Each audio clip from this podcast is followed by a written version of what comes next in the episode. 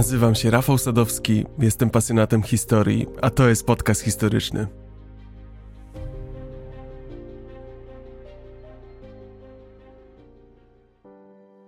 Co byście sobie pomyśleli, gdybym powiedział wam, że w Układzie Słonecznym jest jeszcze jedna nieznana planeta? Że jej mieszkańcy odwiedzali Ziemię w czasach prehistorycznych.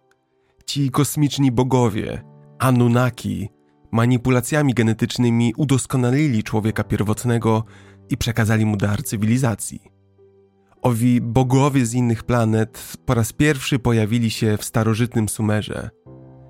I to właśnie Anunnaki przekazali Sumerom 5000 lat temu potężne, nowoczesne technologie. Urządzenia grawitacyjne, które pozwalały podnosić ogromne bloki i układać je z niezwykłą precyzją, bioinżynierię, mikrochipy, Idę o zakład, że pomyślelibyście, że omyłkowo włączyliście jakiś kanał historyczny grubo po północy i trafiliście na dokument w rodzaju zakazana archeologia, czy coś w tym rodzaju. Być może z nudów stukalibyście w telefonie Anunnaki i poczytali trochę o tej teorii spiskowej. Być może opowiedzielibyście komuś przy kawie o tej historii i razem pośmialibyście się z tego, jak wielką fantazję niektórzy mają. Z całą pewnością jednak nie wzięlibyście na poważnie niczego, co przed chwilą wam przedstawiłem. Co jednak, gdybym powiedział wam, że naziści, jako przegrani II wojny światowej, nie mieli jak bronić się przed całym szeregiem manipulacji i fałszerstw, dokonywanych tylko po to, aby przypisać im jak największą winę za całą II wojnę światową. Zapewne zareagowalibyście dezaprobatą, konsternacją, co też on opowiada. Przecież wszyscy wiedzą, kto i w jakiej skali odpowiada za miliony ofiar II wojny światowej. Co jednak, gdybym w następnym zdaniu powiedział, że nie znacie całej prawdy?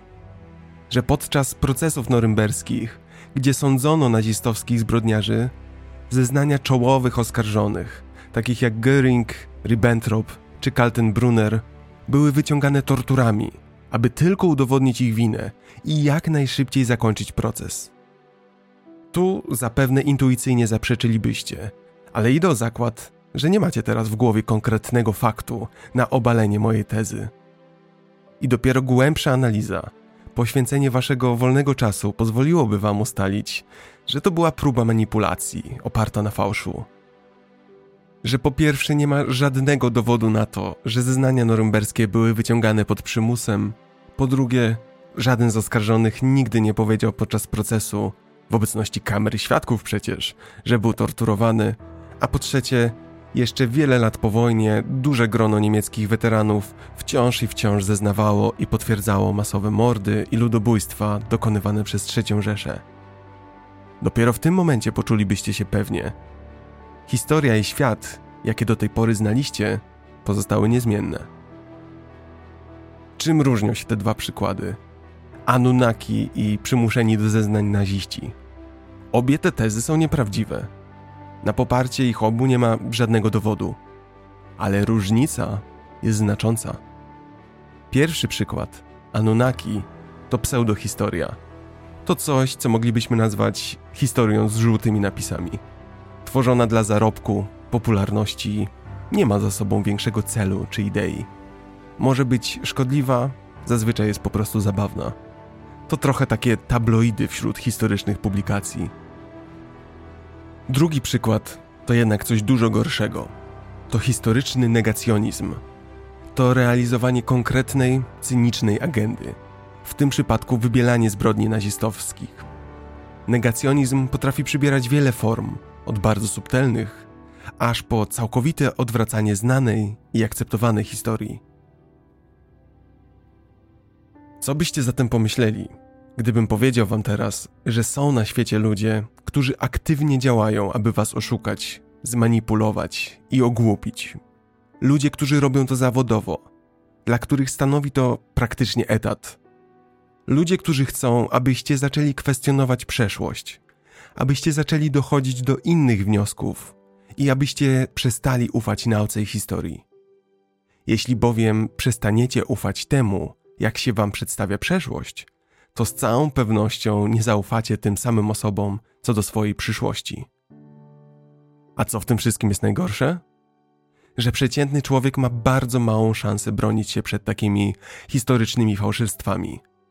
Jeśli manipulacja podana jest zręcznie, delikatnie, jeśli zdaje się racjonalnie kwestionować aktualny stan wiedzy, zamiast wszystko wywracać, zamiast obracać o 180 stopni, to jest duża szansa, że nie jedna osoba wpadnie w tak zastawioną pułapkę.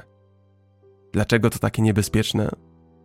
Bo jeśli na przykład manipulacja pochodzi od polityka, to jest duża szansa, że przekonując was, zbiera w ten sposób głosy i być może w następnych wyborach będzie decydować o losach całego kraju. Jeśli fałszerstwa dokonuje naukowiec, to podważa on w ten sposób autorytet innych ludzi nauki. Wkrótce zaczyna działać efekt kuli śnieżnej.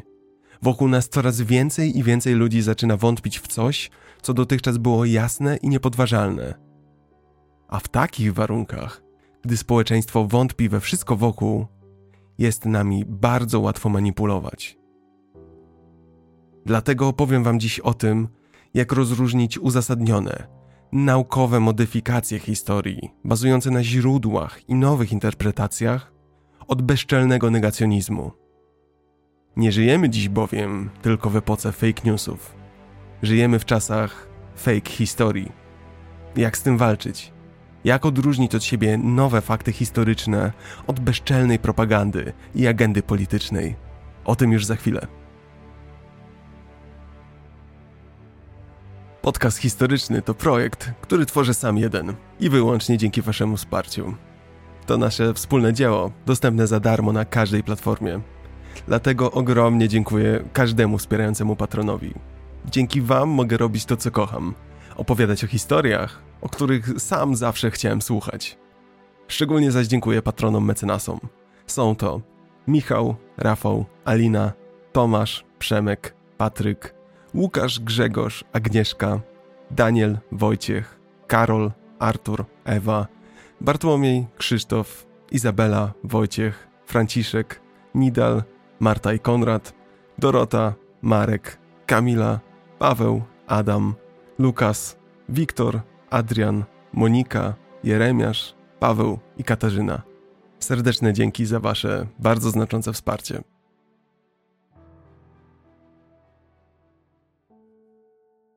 Ostatnio zacząłem zastanawiać się nad prostym z pozoru pytaniem: czym właściwie jest historia? Myślę, że nie ma bowiem na to jednej prostej odpowiedzi. Jeśli zapytacie dowolnej osoby, gwarantuję wam, że dostaniecie szereg różnych odpowiedzi. Ktoś może powiedzieć na przykład, że historia to pamiętnik ludzkości. Pamiętnik, do którego każdy ma dostęp. Dlaczego na przykład dziś boimy się wojny nuklearnej i skali zniszczeń, jaką mogłaby ona przynieść? Ponieważ 77 lat temu poznaliśmy smak tego, czym może być wojna jądrowa. Kiedy bowiem 77 lat temu bomba spadła na Hiroshimę i Nagasaki, gazety pisały: Bomba, która zmieniła świat. Wybuch był odczuwalny w odległości 500 kilometrów. Skala zniszczeń istotnie była historyczna. Ale tym, co naprawdę zmieniło nasz świat, tym, co zmieniło to, jak postrzegamy arsenał jądrowy, nie była sama statystyka śmierci Przecież w naszych dziejach były wielokrotnie bardziej krwawe epizody. Tym, co było unikalne w Hiroshimie i Nagasaki, był fakt, że tak ogromnego zniszczenia w tak krótkim czasie dokonała nie natura, nie katastrofa, ale ludzka ręka. I historia pozwala nam o tym pamiętać. Ktoś inny może powiedzieć, że historia to kronika naszych osiągnięć, zapis opowieści, które do dziś inspirują i dają motywację. To dzięki historii pamiętamy genialnych ludzi i heroiczne czyny, czyny, które budzą podziw do dziś. Wystarczy jedna wspaniała opowieść z kart historii, by rozpalać wyobraźnię dzieci i zachęcać je do dokonywania wielkich rzeczy w dorosłości. Takie karty jak Okiełznanie Ognia, Zburzenie Muru Berlińskiego, Pierwszy lot samolotem – pierwszy krok na Księżycu, zwycięstwo nad nazizmem, rewolucje przeciwko tyranom, powstania, chociażby powstanie warszawskie, wygrane wojny. Gdyby nie historia, te wszystkie chwalebne epizody przepadłyby. Jeszcze inna odpowiedź jest taka, że historia to zbiór niekończących się opowieści. Niektóre z nich są inspirujące i podnoszące na duchu, inne chaotyczne, niemoralne.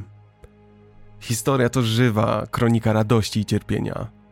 A najlepsze, że lekcje i nauczki, które daje historia, można potem wykorzystać w swoim życiu, na co dzień. Historia to jednak też najlepszy sposób na zrozumienie drugiego człowieka. Dzięki historii możemy dowiedzieć się, jak w przeszłości powstawały, funkcjonowały i zmieniały się społeczeństwa, systemy, ideologie, jak kształtowały się rządy, kultury i technologie.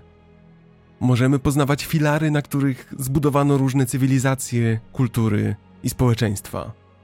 Obserwując, jak nasi przodkowie współdziałali z innymi ludźmi, którzy zamieszkiwali te same terytoria czy miasta, możemy wyciągnąć lekcje, i to zarówno dobre, jak i złe. A to pozwala nam zrozumieć obecne różnice między naszymi bliższymi i dalszymi sąsiadami. Ale ktoś pesymistyczny może powiedzieć, że historia to kronika cierpienia i porażek. I to również będzie prawda. Nie ma drugiej takiej dziedziny, która tak bardzo skupiałaby się na bólu, na rozdrapywaniu ran, można by powiedzieć.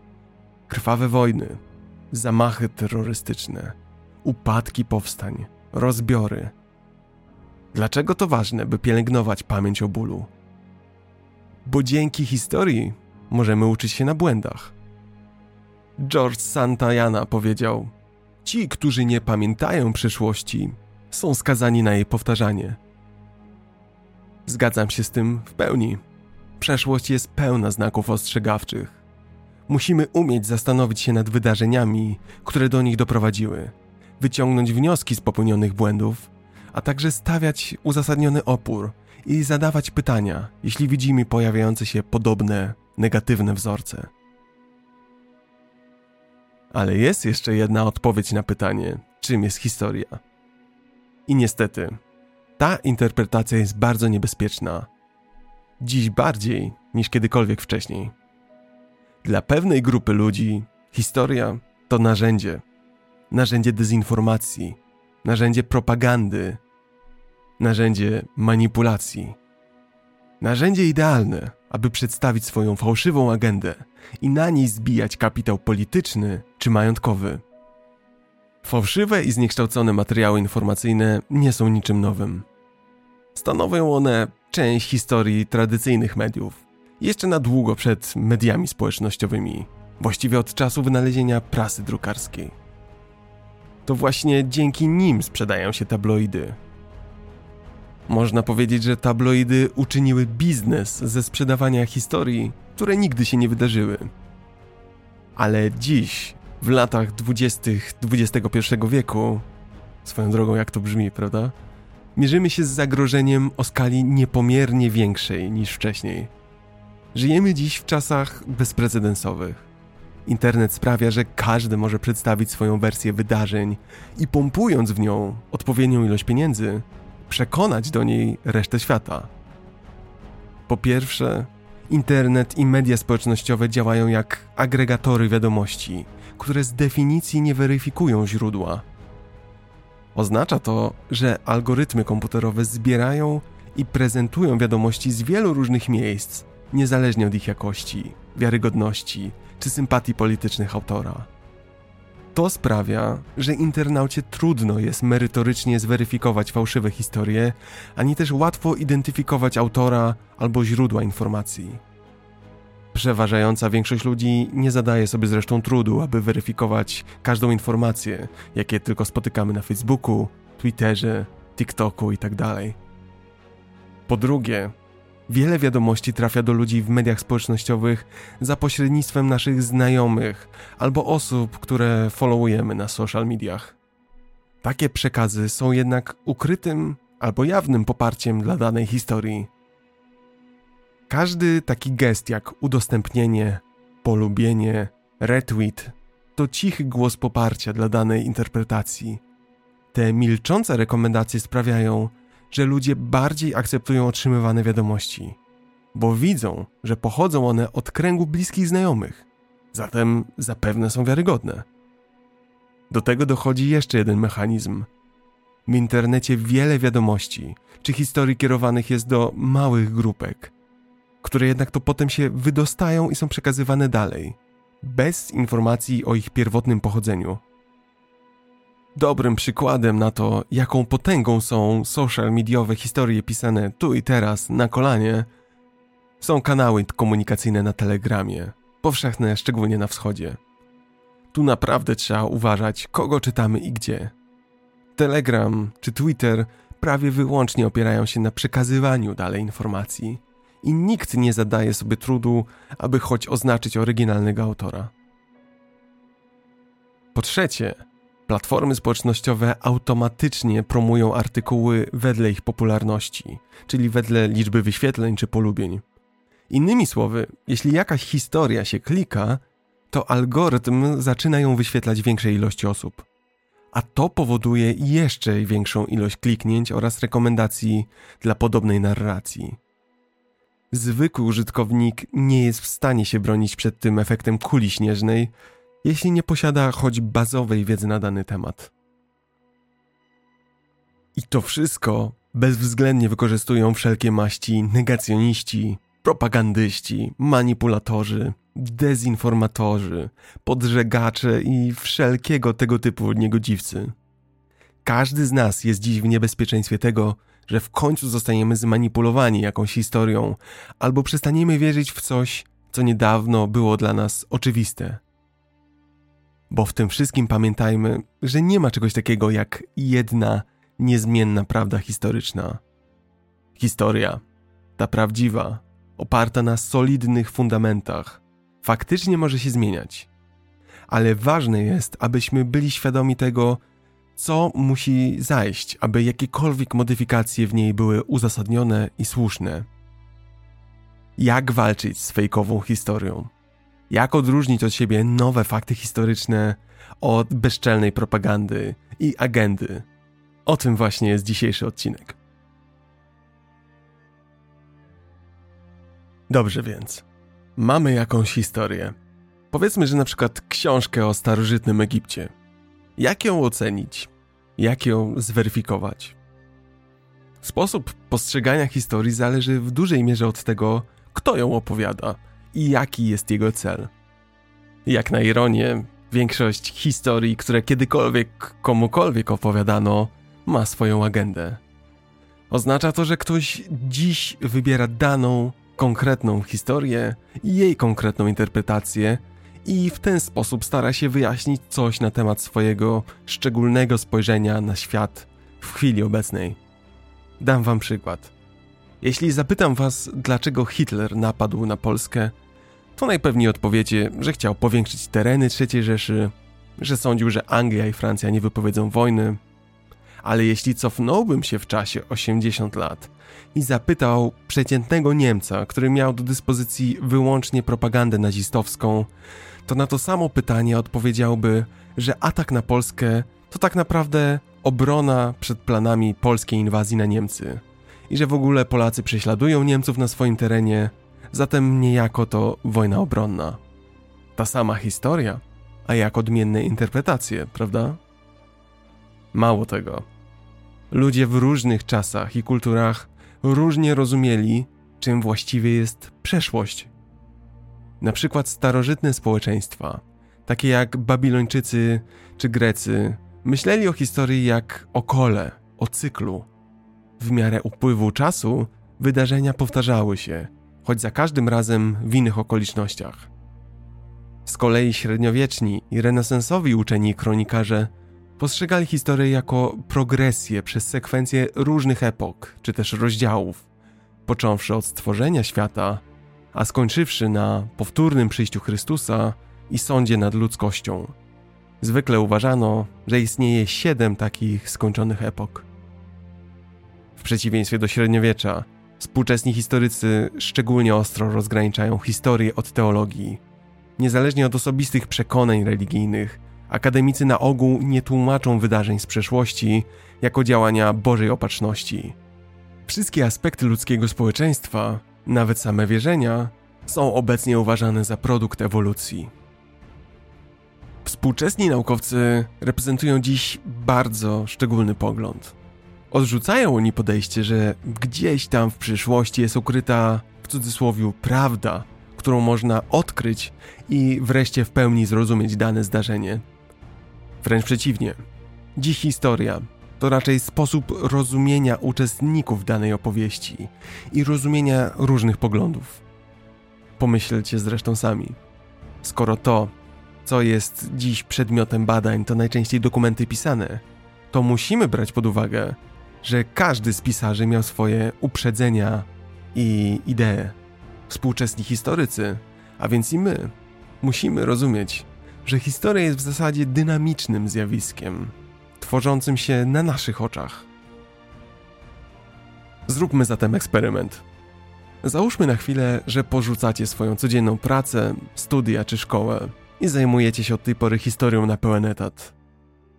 Jak zatem merytorycznie ocenicie jakiś dowód, list, zapis z kroniki, jakieś znalezisko? Współczesne badania historyczne dążą do przestrzegania uniwersalnych technik i standardów. Z grubsza rzecz biorąc, im bliżej wydarzenia znajduje się dany dowód, tym bardziej jest on dla nas wartościowy. Takie podejście pozwala nam wyodrębnić następujące poziomy dowodów. Poziom pierwszy to dowody ówczesne, bezpośrednie. To materiały, które pochodzą z czasów, gdy dana osoba albo wydarzenie faktycznie miały miejsce. Na przykład archiwalne dokumenty pisane krótko po danym zdarzeniu, zapisane relacje medialne, relacje naocznych świadków. Na przykład zapisany w 1773 roku meldunek o przyjęciu dostawy kilku ton herbaty w Bostonie świadczyć będzie niezbicie, że miał miejsce w tym okresie handel herbatą między amerykańskimi koloniami i Wielką Brytanią. Poziom drugi to dowody pochodne. To materiały, które opierają się na wcześniejszych dowodach, które już są niedostępne. Na przykład wyobraźmy sobie, że ktoś w średniowieczu pisze w liście do swojego znajomego, że oto miejski kronikarz i dobry przyjaciel króla, wbrew wszelkiej logice, pewnego razu surowo skrytykował tego samego króla. Do dzisiaj tej historycznej kroniki nie odnaleziono. Wiemy, że faktycznie istniał taki kronikarz, ale musimy zachować dużą ostrożność, aby nie przypisywać mu słów, na które nie mamy przecież bezpośredniego potwierdzenia. Poziom trzeci wreszcie to dowody porównawcze, czyli fakty, które musimy porównywać z innymi zjawiskami z danego okresu. Prosty przykład. Jeśli znaleźlibyście w Iraku w 2004 roku łuski po amerykańskim naboju do karabinu M16, to nie będzie to szczególnym zaskoczeniem. Chwilę wcześniej zakończyła się przecież wojna w Zatoce Perskiej. Siły amerykańskie walczyły z Saddamem Husseinem. Znalezienie takiej samej łuski jednak, na przykład w 1987 roku, będzie już co najmniej zagadkowe.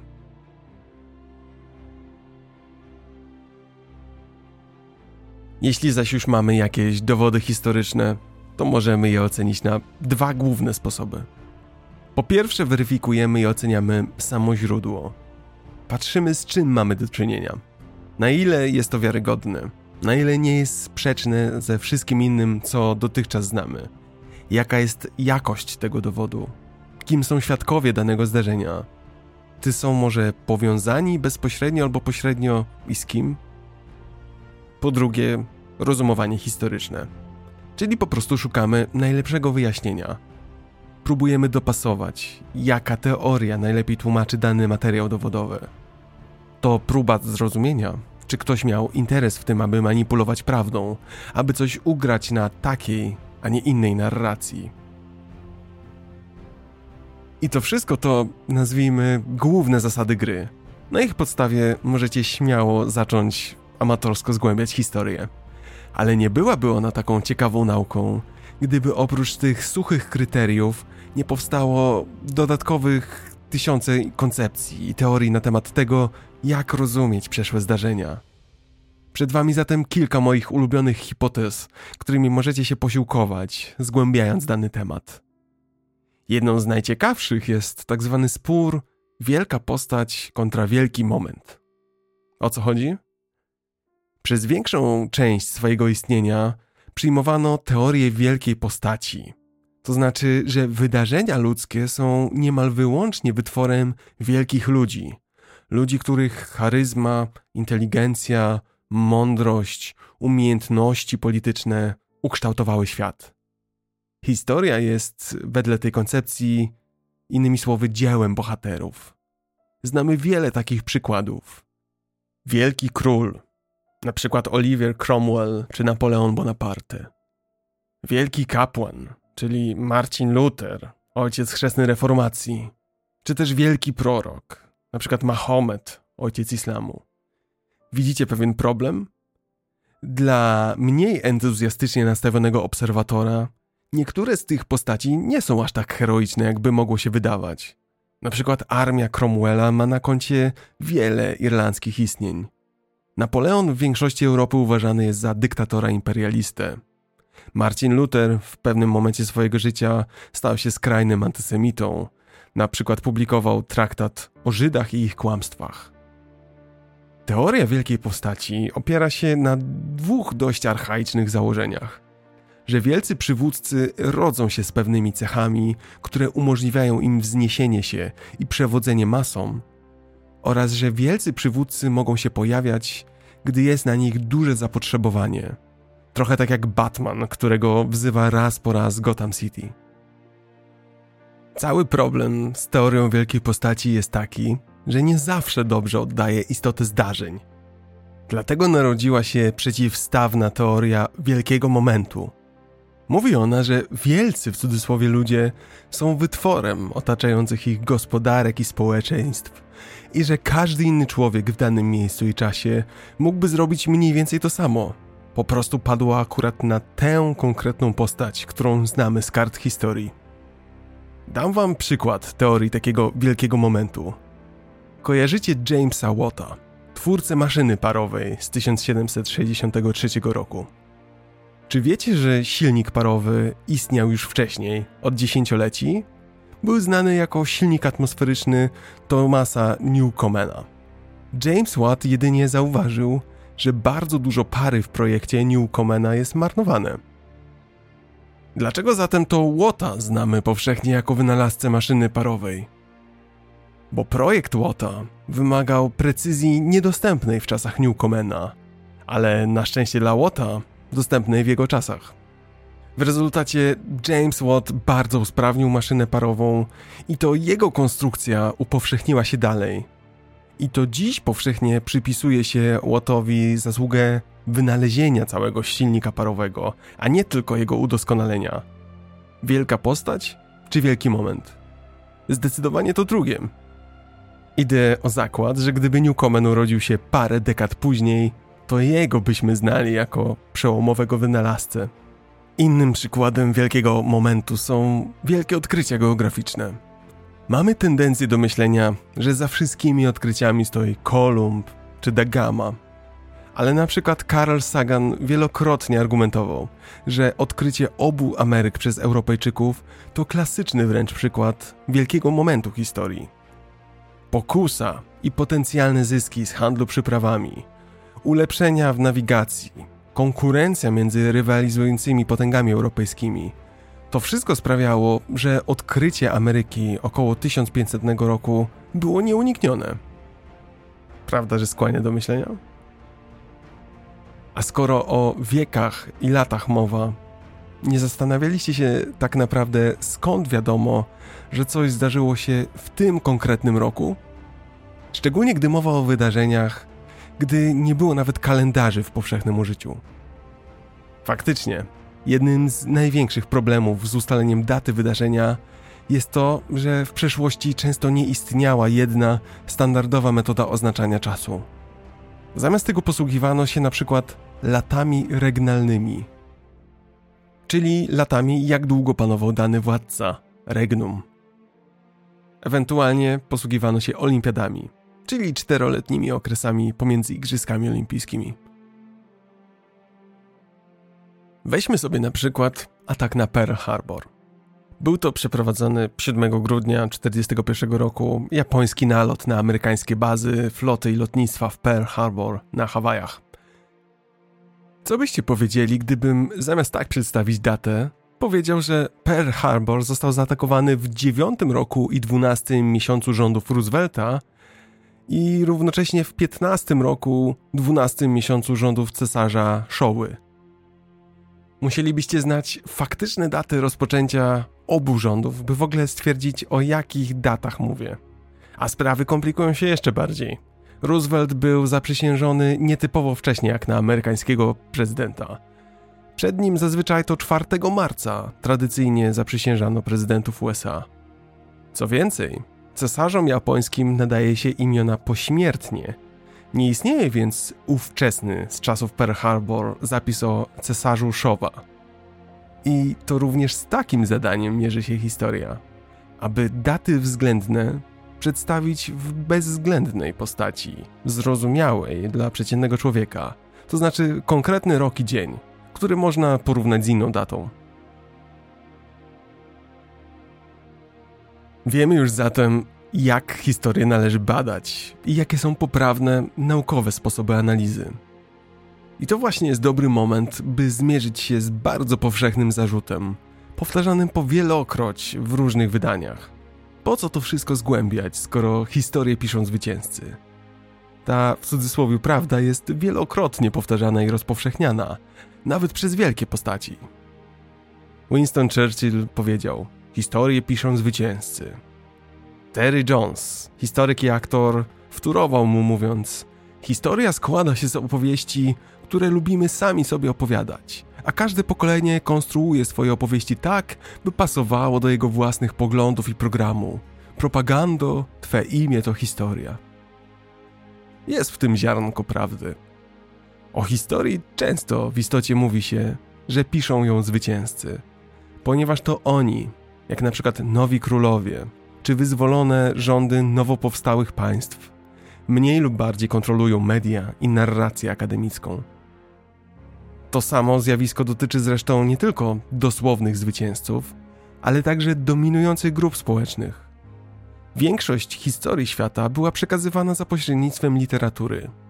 To oznacza, że ludzie zbyt biedni, by nauczyć się czytać i pisać, czy też pracujący po prostu zbyt ciężko, by mieć czas na pisanie, nie byli w stanie opowiadać swoich historii.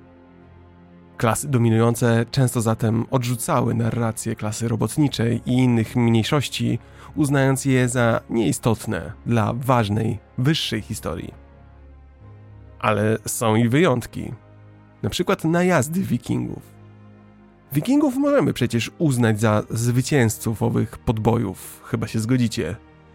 Ale wikingowie prawie nie pisali. Stąd ich bezpośrednia, zwycięska przecież historia jest szczątkowa. W przeważającej większości źródeł pochodzących z ich czasów są oni jednak przedstawiani bardzo negatywnie.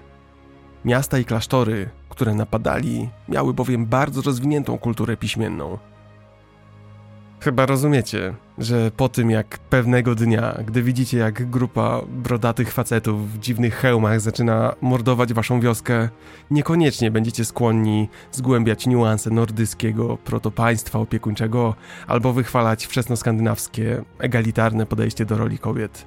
Raczej zapiszecie historię o morderstwach i gwałtach.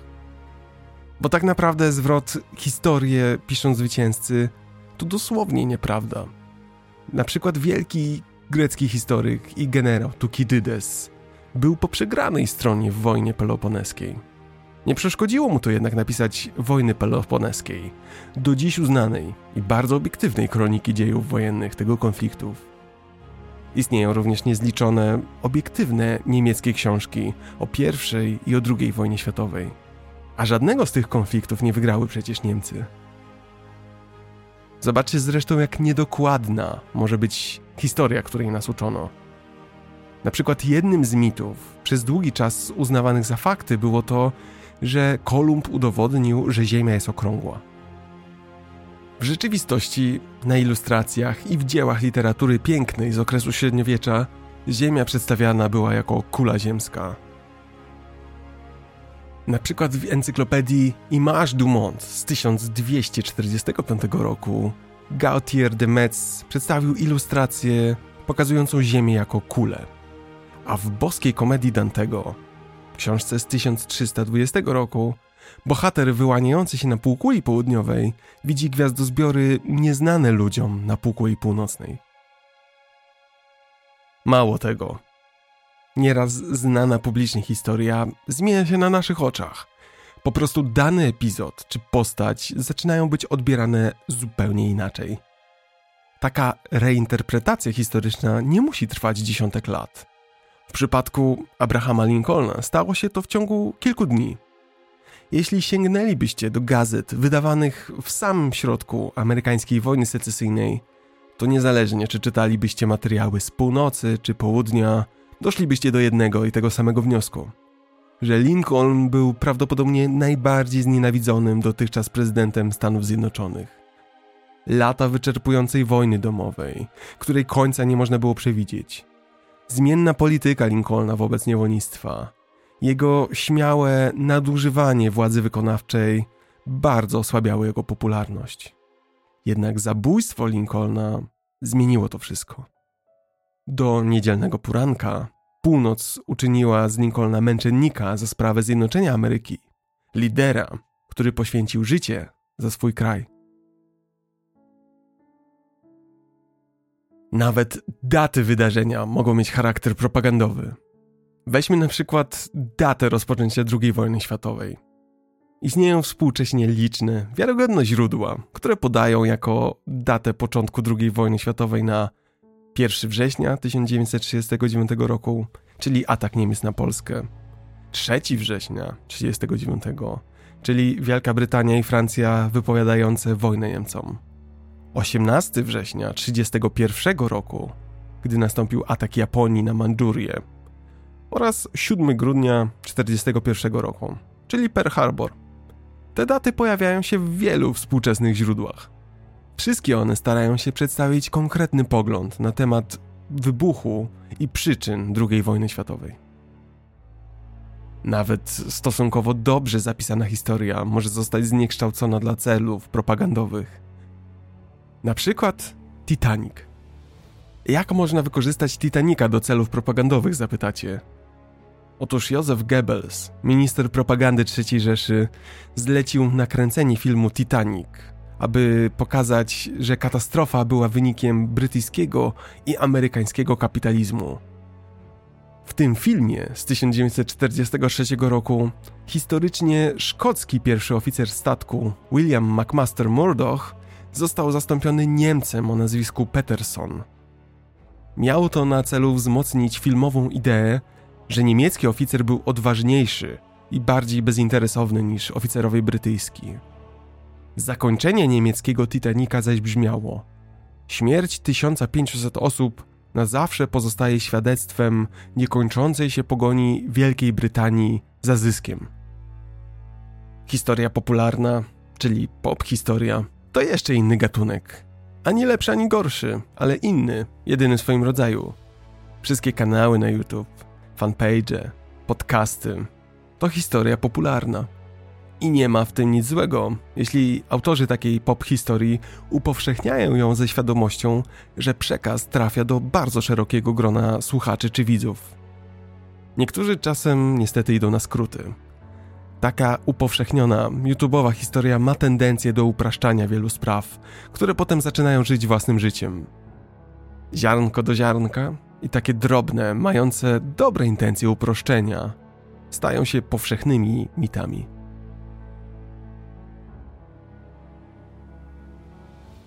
Dlaczego o tym wszystkim mówię? Bo historia się zmienia. Wnioski dziś aktualne, jutro mogą być wręcz kuriozalne. Nie można okopywać się przy jednej prawdzie, bo kontekst może zmienić się o 180 stopni. Może przyjść taki moment, że pojawi się ktoś, kto powie: Mam dowód, że było inaczej. I tak oto przed nami narodził się właśnie rewizjonizm historyczny.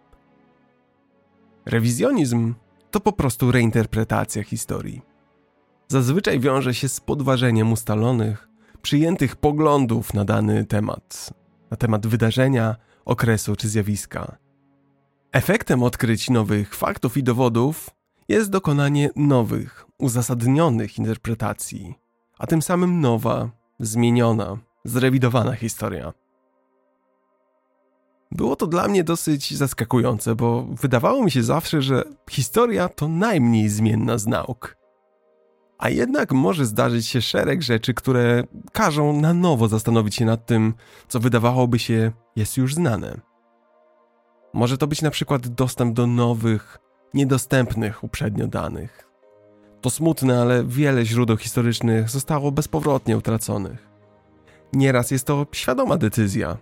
Archiwa do dziś muszą podejmować decyzje o tym, jakie oryginalne materiały pozostawiać, a jakie zniszczyć. Niekiedy zaś odkrywa się lub upublicznia dokumenty, które dają zupełnie nowe, świeże spojrzenie na dobrze znane wydarzenia. Takie materiały archiwalne mogą przez wiele lat być zapieczętowane i ukryte przez rządy, aby ukryć przykład skandale polityczne, aby chronić informacje istotne dla bezpieczeństwa narodowego. Kiedy archiwa zostają otwarte, mogą zmienić perspektywę historyczną danego wydarzenia. I tak się zdarzyło na przykład w przypadku operacji Market Garden. W dużym skrócie była to największa operacja wojskowa z udziałem wojsk powietrzno-desantowych przeprowadzona przez aliantów we wrześniu 1944 roku na terytorium okupowanej Holandii. Operacja Market Garden miała na celu rozdzielenie wojsk niemieckich i tym samym przyspieszenie końca wojny. Kluczowym celem było uchwycenie mostów na Renie i innych rzekach, zanim Niemcy zdążą je zniszczyć. Aliantom udało się przejąć kontrolę nad pierwszymi mostami, ale ostatecznym rezultatem operacji była całkowita porażka, ponieważ nie zdobyto ostatniego mostu w Arnheim, Niemiecka kontrofensywa zmiażdżyła brytyjską dywizję powietrzno-desantową i spowodowała większe straty od tych, które alianci ponieśli podczas lądowania w Normandii. Ta klęska uważana jest za ogromne zwycięstwo taktyczne III Rzeszy. Przez wiele lat po wojnie toczyła się dyskusja, czy feldmarszałek Bernard Montgomery mógł wiedzieć, że Arnheim jest silnie obsadzone. Choć podejrzewano najgorsze, że świadomie zaryzykował życiem tysięcy żołnierzy – to brakowało dowodów. Zatem oficjalna wersja brzmiała tak, że alianci zostali zaskoczeni przygotowaniem Niemców. Dopiero po opublikowaniu materiałów archiwalnych brytyjskiej sieci Ultra w latach 70. wiadomo, że dowódcy wojsk angloamerykańskich zignorowali doniesienia o znajdujących się w okolicach Arnheim silnych oddziałach niemieckich. I tak oto historia została zrewidowana a na działania Montgomery'ego nie patrzymy już jak na chwalebną, męczeńską próbę zmiany kolei wojny, ale już krytycznie, jako lekkomyślną próbę zignorowania rzeczywistości. To był przykład nowo odkrytego, pisanego dowodu, który zrewidował znaną nam historię. Ale nie zawsze potrzeba takich bezpośrednich źródeł, Rozwój innych dziedzin nauki też może wpływać na spojrzenie na pewne zdarzenia.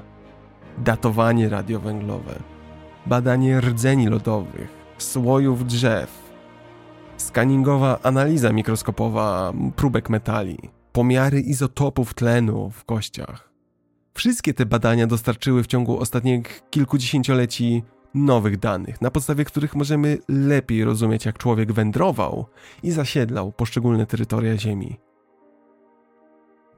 Rewizja historii często ma miejsce, gdy w grę wchodzi połechtanie własnego, narodowego ego. Na przykład w podręcznikach szkolnych do historii Europy można przeczytać o danym zdarzeniu z zupełnie różnych perspektyw. W przypadku bitwy pod Waterloo w większości podręczników brytyjskich, francuskich, holenderskich i niemieckich bitwa ta została przedstawiona w taki sposób, aby podkreślić wkład danego narodu w losy tej wielonarodowej bitwy.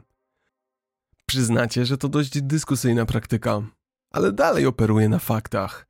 Po prostu stawia akcent na jeden z nich i traktuje trochę ciszej pozostałe. Czasami nawet nazwa wydarzenia jest wykorzystywana do przekazania perspektywy politycznej lub narodowej.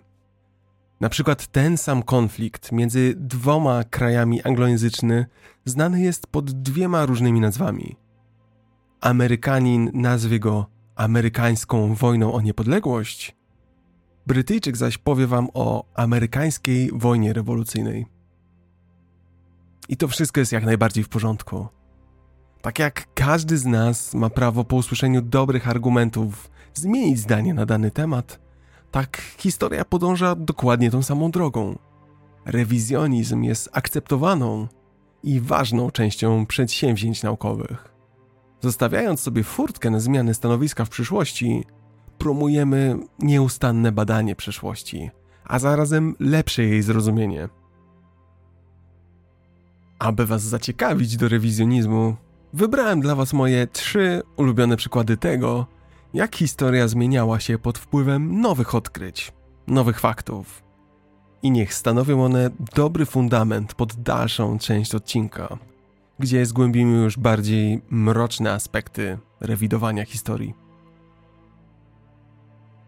Na początek średniowiecze i wieki ciemne. Ten termin, mroczne, ciemne średniowiecze, określa wczesne średniowiecze po upadku Cesarstwa Zachodnio-Rzymskiego. Na pewno używacie tego zwrotu w mowie potocznej. Gdy chcemy negatywnie podsumować czyjś pogląd intelektualny, czy też poziom rozwoju, mówimy o mentalnym średniowieczu, o średniowiecznej technologii. Nie zastanawialiście się na przykład, dlaczego nie mówimy, że ktoś ma antyczne poglądy, albo że ma starożytny samochód, a nie średniowieczny?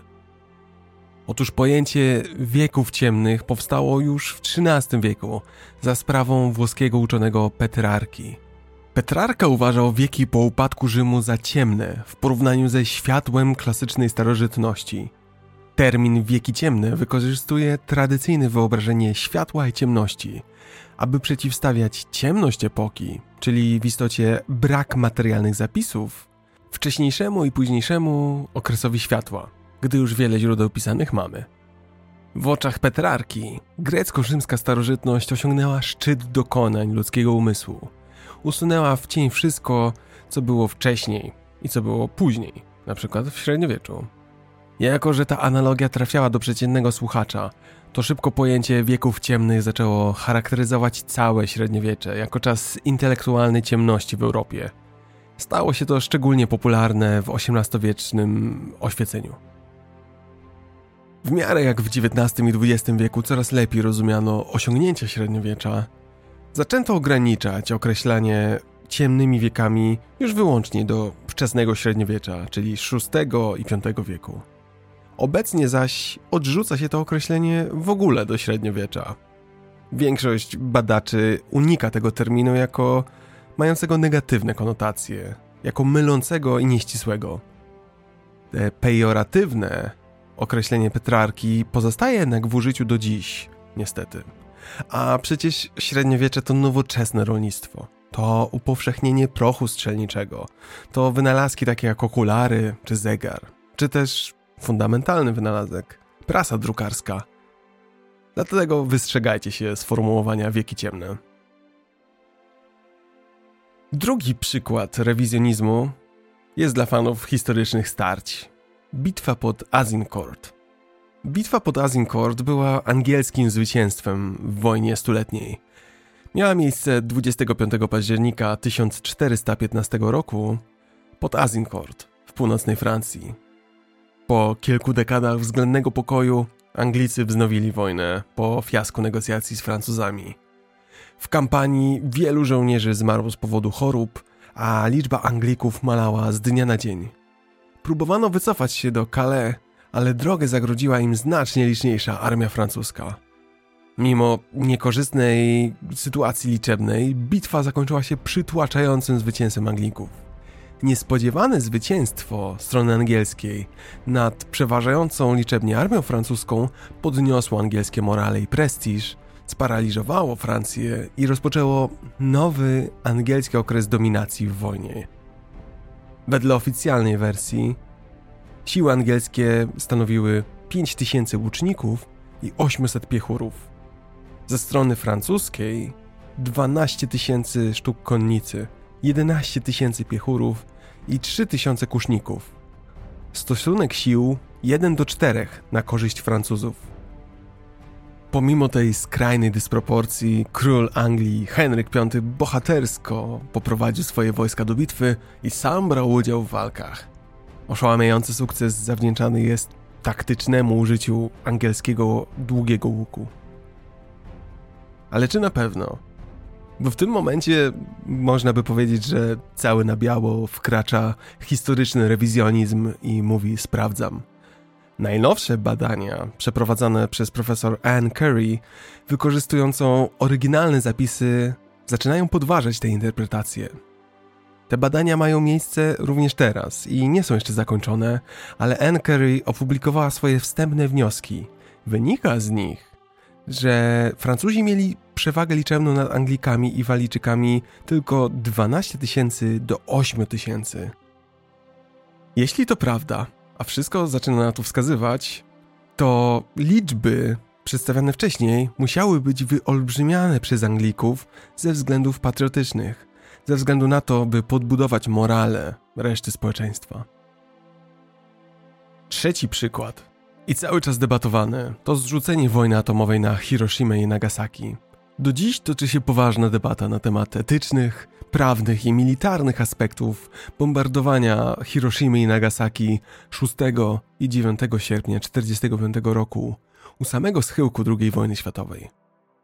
Z biegiem czasu różne argumenty zyskiwały i traciły poparcie, w miarę jak pojawiały się nowe dowody i kończono coraz to nowsze badania.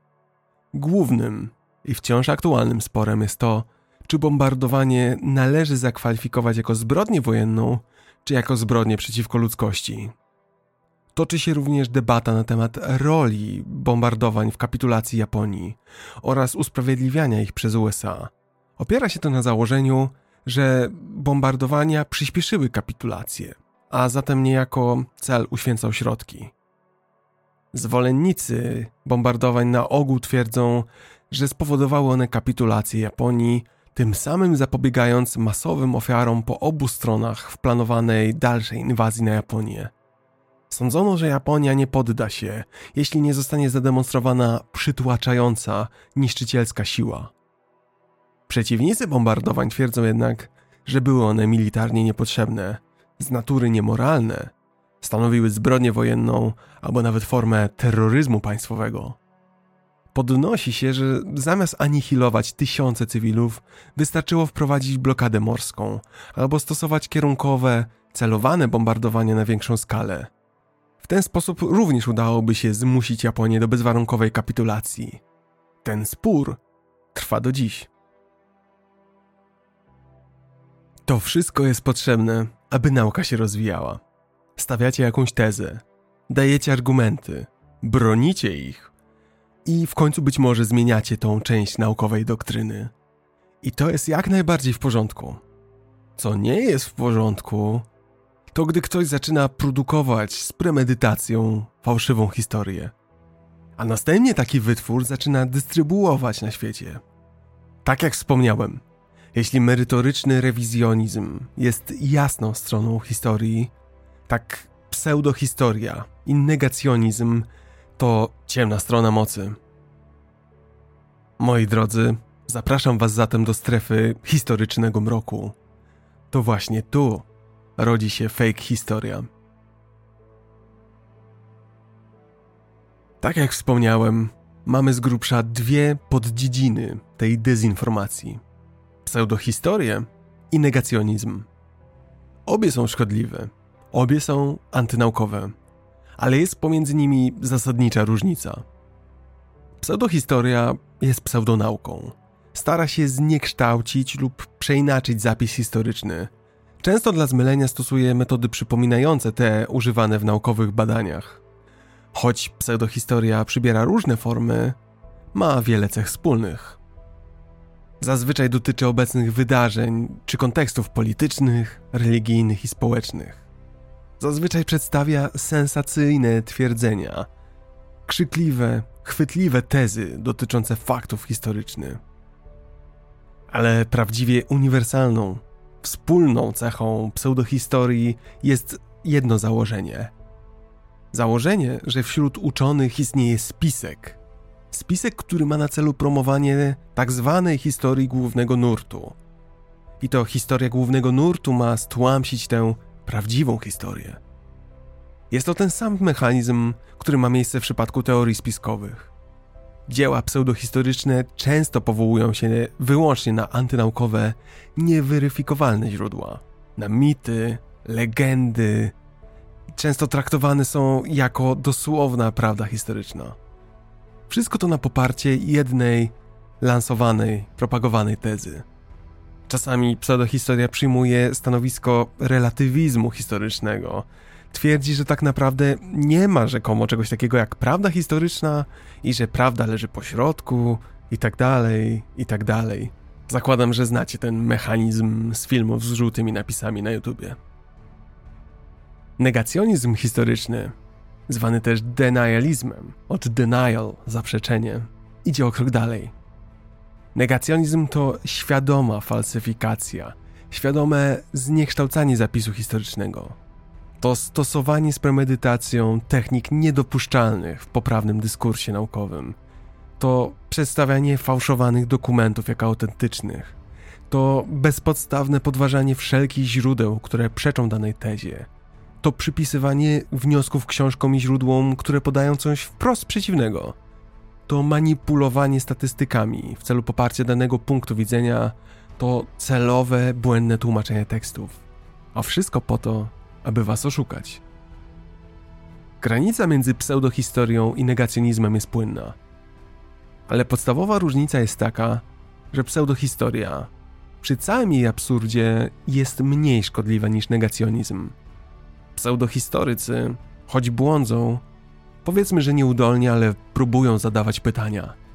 Negatorzy zaś odpowiadają na pytania za was. Negatorzy realizują agendę. Są cyniczni w tym, co robią.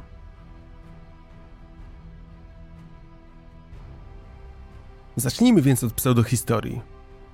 Jak ją rozpoznać? Oto kilka wskazówek.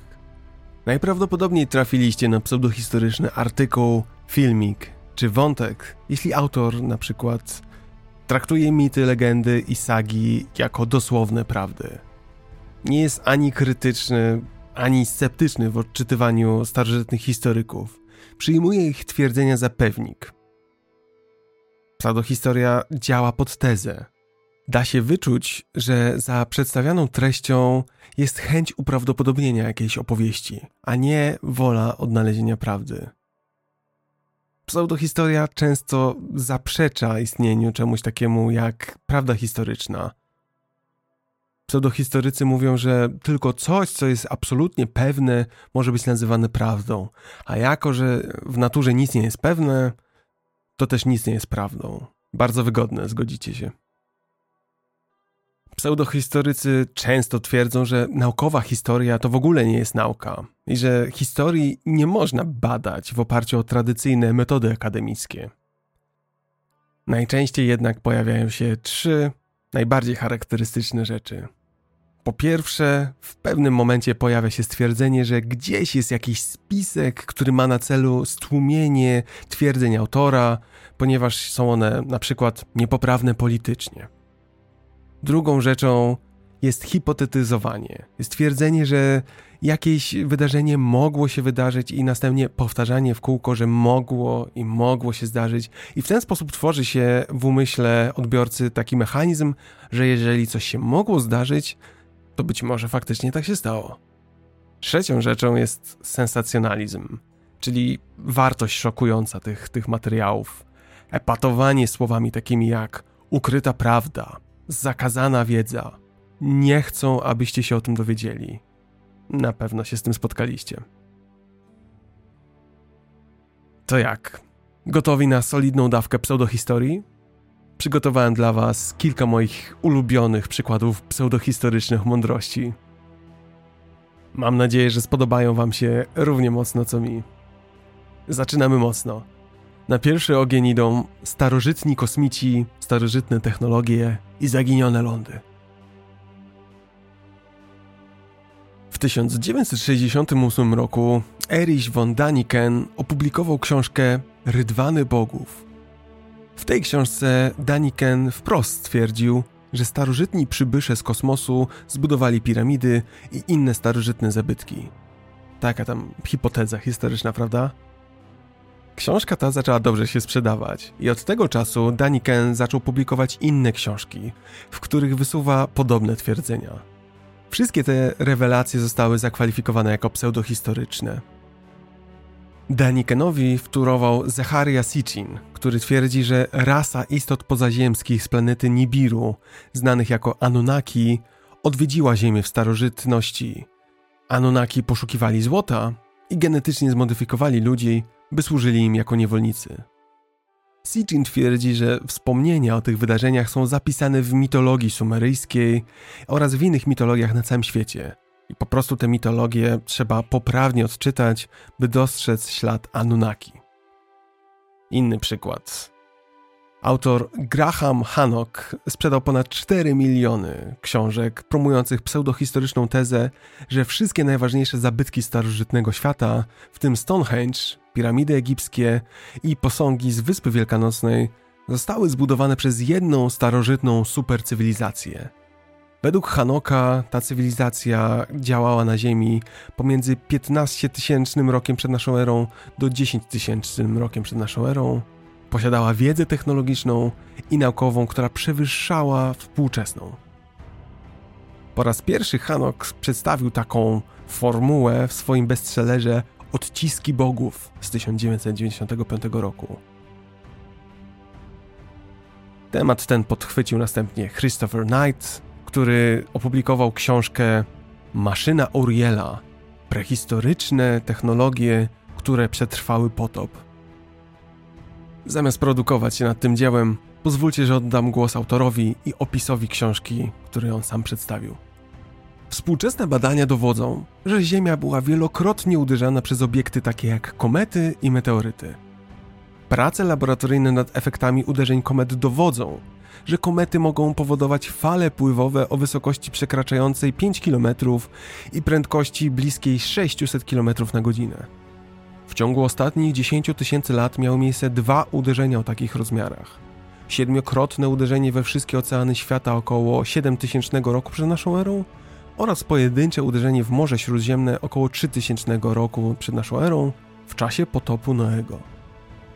Moja książka dowodzi, że starożytni Europejczycy nie tylko przetrwali potop z 7000 roku przed naszą erą, ale rozwinęli wysoce zaawansowaną cywilizację zajmującą się przewidywaniem przyszłych uderzeń meteorytów i przygotowywaniem się do nich. Budując międzynarodową sieć zaawansowanych obserwatorów astronomicznych, ci starożytni astronomowie tworzyli dokładne kalendarze słoneczne, księżycowe i planetarne, mierzyli średnice Ziemi i precyzyjnie przewidywali zderzenia komet z wieloletnim wyprzedzeniem. Takie było prawdziwe przeznaczenie megalitycznych budowli, takich jak Stonehenge. W 3000 roku przed naszą erą przewidywania starożytnych sprawdziły się, a ich urządzenie, maszyna Uriela, pozwoliło na odbudowę cywilizacji w zniszczonym świecie. Przyznacie, że przygody z pseudohistorią zaczęliśmy mocno. To może coś z innej beczki. Przed wami nie byle jaka publikacja – Oto protokoły mędrców Syjonu. Jest to sfabrykowana broszura napisana przez Matthew Gołowińskiego, francusko-rosyjskiego agenta ochrany. Protokoły zawierają szczegółowy opis żydowskiej konspiracji, mającej na celu przejęcie władzy nad światem, w tym sposoby kontrolowania przez Żydów mediów, banków i rządów. Protokoły stały się podstawą niezliczonych antysemickich tekstów w XX i XXI wieku, przede wszystkim międzynarodowego Żyda Henry'ego Forda i Mein Kampf Adolfa Hitlera. Naziści intensywnie propagowali protokoły mędrców Syjonu, aby uzasadnić prześladowanie Żydów i Holokaust. Pomimo tego, że już w 1921 roku wykazano niezbicie, że protokoły są sfabrykowaną publikacją, to są one nadal rozpowszechniane. I wierzą w nie ludzie, którzy łukają każdą fikcję panującą do ich rasistowskich poglądów. Jeśli wpiszecie w wyszukiwarce protokoły mędrców Sionu, to mniej więcej od trzeciej, czwartej strony Google'a zaczyna się festiwal pseudohistorii. Wchodzicie na własną odpowiedzialność. Najwcześniejsza znana publikacja protokołów miała miejsce w rosyjskiej gazecie Znamia na przełomie sierpnia i września 1903 roku. Grupy antysemickie forsowały tę książkę i nadal do dziś jest ona w niektórych miejscach drukowana. Pojawia się też w popkulturze. Na swoim albumie Extremist One Carol Clank, samo określający się jako patriotyczny śpiewak numer jeden w Ameryce, nagrał piosenkę Wiadomości za wiadomościami. Jest to piosenka o protokołach, w których pada określenie, że są one planem upadku amerykańskiego narodu. David Icke poszedł o krok dalej.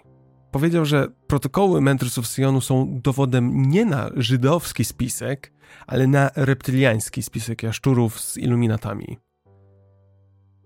Powiem tak. Przeczytałem protokoły mędrców Syjonu i przy całym absurdzie tej lektury z żadnego fragmentu nie wynika nic o reptylianach. Ale być może czytałem bez zrozumienia. Kto wie. Protokoły w każdym razie są regularnie wykorzystywane jako dowód żydowskiego spisku. Również w świecie islamu. Na przykład Hamas powoływał się na ten tekst w swoim statucie z 1988 roku. Co jednak najgorsze. Jeszcze do niedawna na jednej z globalnych internetowych księgarni ta opozycja występowała jako książka jak każda inna, dostępna do kupna i możliwa do oceniania. Czytelnicy ocenili ją na 3 na 5 gwiazdek, co wiele mówi o wartości internetowych recenzji.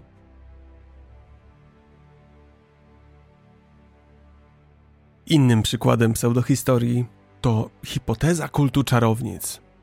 Jest to spiskowa teoria, wedle której procesy czarownic w okresie wczesnonowożytnym były tak naprawdę próbą tłumienia przedchrześcijańskiej, pogańskiej religii, która to rzekomo przetrwała chrystianizację Europy i dalej była prześladowana przez chrześcijan. Wedle zwolenników tej teorii, kult czarownic skupiał się wokół kultu rogatego boga płodności, podziemi, polowania i łowiectwa. Owego rogatego boga chrześcijanie nazwali diabłem. Innymi słowy, czarownice to przedstawicielki pradawnych, autentycznych wierzeń, a chrześcijanie przykleili im łatki czarnej magii i pod tym pretekstem ich zwalczali. Ta teoria powstała na początku XIX wieku. Najgłośniej była przedstawiana przez brytyjską egiptolog Margaret Murray, która przedstawiła ją w swojej książce The Witch Cult in Western Europe. Następnie wydała kolejne książki, takie jak The God of the Witches. Wśród ekspertów panuje jednak zgoda co do tego, że osoby oskarżane i tracone jako czarownice nie były wyznawcami żadnej konkretnej religii czarownic, ani przedchrześcijańskiej, ani satanistycznej. Krytycy podkreślają, że teoria ta opiera się na bardzo wybiórczym wykorzystywaniu dowodów z procesów sądowych, przez co mocno przeinacza wydarzenia i działania zarówno oskarżonych, jak i ich oskarżycieli.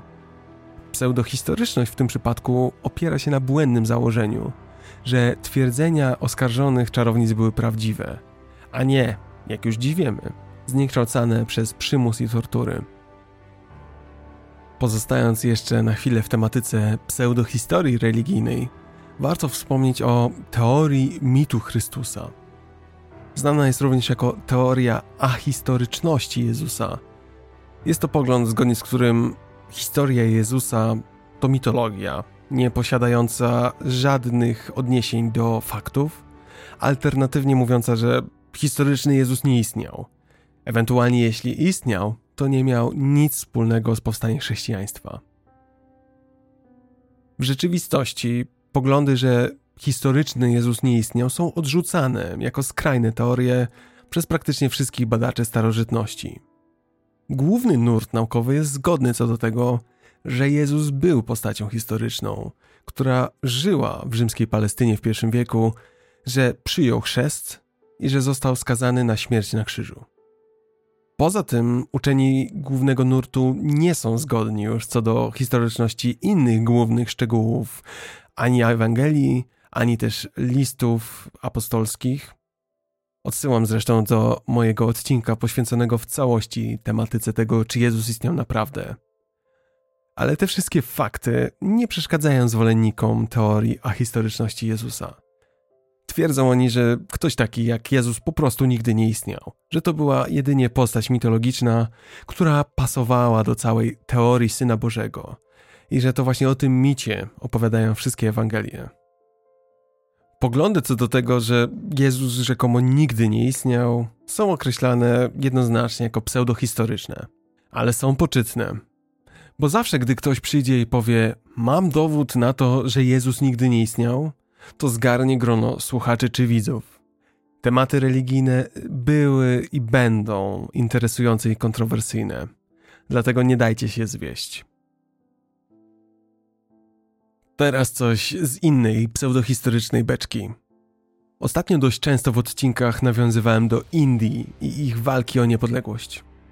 Dla odmiany zatem muszę z przykrością stwierdzić, że w ostatnich latach w Indiach stało się coś dziwnego. Powstało coś w rodzaju turbohinduizmu. O co chodzi? Od jakiegoś czasu w Indiach coraz większą popularność zyskuje przekonanie, że starożytne Indie były zaawansowane technologicznie do tego stopnia, że mogły stać się potęgą nuklearną. Pojawiające się na arenie politycznej nacjonalistyczne nurty i ideologie oparte na hinduizmie sprzyjają niestety takim dyskusjom.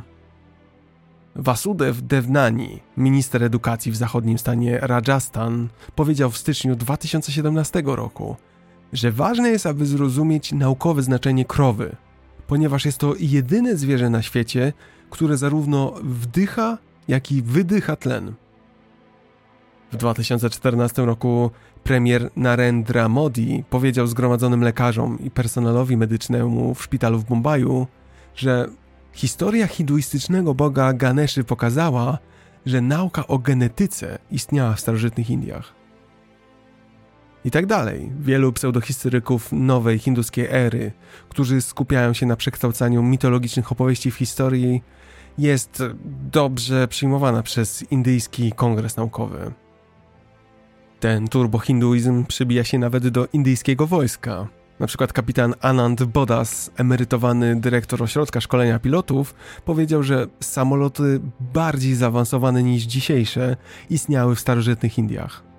Na żadne z tych twierdzeń oczywiście nie ma żadnego dowodu, co też nie dziwi. Jest jeszcze jednak dość szczególna dziedzina pseudohistorii. Nie dotyczy ona konkretnego wydarzenia, ale sposobu liczenia czasu. Przed Wami kategoria specjalna, tak zwana chronologia alternatywna. Alternatywna chronologia historyczna to kompletne wywrócenie sposobu liczenia historii. To twierdzenie, że tak naprawdę wszyscy wokół się mylą, a dzieje świata biegły zupełnie inaczej. Chronologie alternatywne, choć pozornie fałszywe, mogą być szczególnie przekonujące ze względu na ich szeroki zakres i ze względu na charyzmę i zdolność ich twórców do wybierania i selekcjonowania przedstawianych dowodów. Dobierając określone dowody pod tezę, można bowiem łatwo przekonać ludzi, że takie alternatywne dzieje historii w rzeczywistości mogły być prawdziwe. Aby zaś nie dać się zmanipulować, potrzeba dobrej wiedzy, jak właściwie działa i bada chronologia i dlaczego na przykład nikt nie kwestionuje dziś, że bitwa pod Grunwaldem była wcześniej niż potop szwedzki. W przypadku chronologii alternatywnych skala manipulacji jest naprawdę podła, ponieważ na tak zwany chłopski rozum ma ona zazwyczaj sens. Faktycznie bowiem nie mamy namacalnych dowodów na to, że Europa istniała pomiędzy 500 a 1000 rokiem naszej ery. Ale to przecież nie znaczy, że te daty nie istniały. Oprócz wybiórczych dowodów, alternatywne chronologie historyczne są szczególnie atrakcyjne ze względu na wciągające narracje, które to opowiadają ich autorzy. To zawsze jest sprzeciwienie się ustalonej, mainstreamowej historii. To zawsze jest próba zastąpienia jej czymś, co w gruncie rzeczy jest nową, wręcz fantastyczną teorią. Podobnie jak w przypadku teorii spiskowych, jednym z głównych powodów, dla których ludzie wierzą w historie alternatywne, jest prawdopodobnie potrzeba poczucia, że wiedzą lepiej, lub że wszyscy inni uznani eksperci, oficjele mówią fałsz.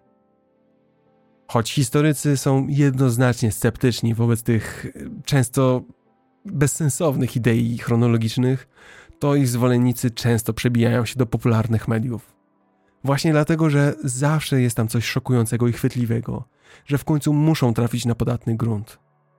Nie pomaga w tym fakt, że internetowe księgarnie często umieszczają pseudohistoryczne i pseudochronologiczne prace w swoich działach ogólnie nazwanych historia. Leżą zatem obok prawdziwych, uzasadnionych książek historycznych. Poznajmy zatem teoretyków i ich teorie alternatywnych chronologii. Zanim tylko zacznę, powiem, że żaden z tych w cudzysłowie badaczy nie jest z wykształcenia historykiem, a ich chronologiczne teorie występują w dwóch podstawowych odmianach. Albo wycinają powszechnie przyjęte okresy, aby skrócić przyjętą chronologię, albo też rozciągają istniejące epoki, lub też wstawiają nowe, aby wydłużyć przyjętą chronologię. Nie przedłużając zatem, przed Wami Immanuel Wielikowski. W historii podejmowano próby udowodnienia dokładności Biblii poprzez wykorzystywanie sfałszowanych informacji historycznych, a idee Immanuela Wielikowskiego są jednym z przykładów tego trendu. Po raz pierwszy Wielikowski opublikował to, co nazwał chronologią poprawioną w broszurze zatytułowanej Tezy do rekonstrukcji historii starożytnej. Miało to miejsce w 1945 roku, a jego idee dotarły do szerszej publiczności dopiero dzięki książce Wieki w chaosie z 1952. Istotą pracy Wielikowskiego jest próba pogodzenia historii starożytnego Bliskiego Wschodu, zwłaszcza starożytnego Egiptu, z historycznymi relacjami zawartymi w Biblii. Centralnym pojęciem Wielikowskiego jest alter ego. Są to postacie historyczne, które w różnych źródłach noszą różne imiona, ale rzekomo tak naprawdę odnoszą się do tej samej osoby.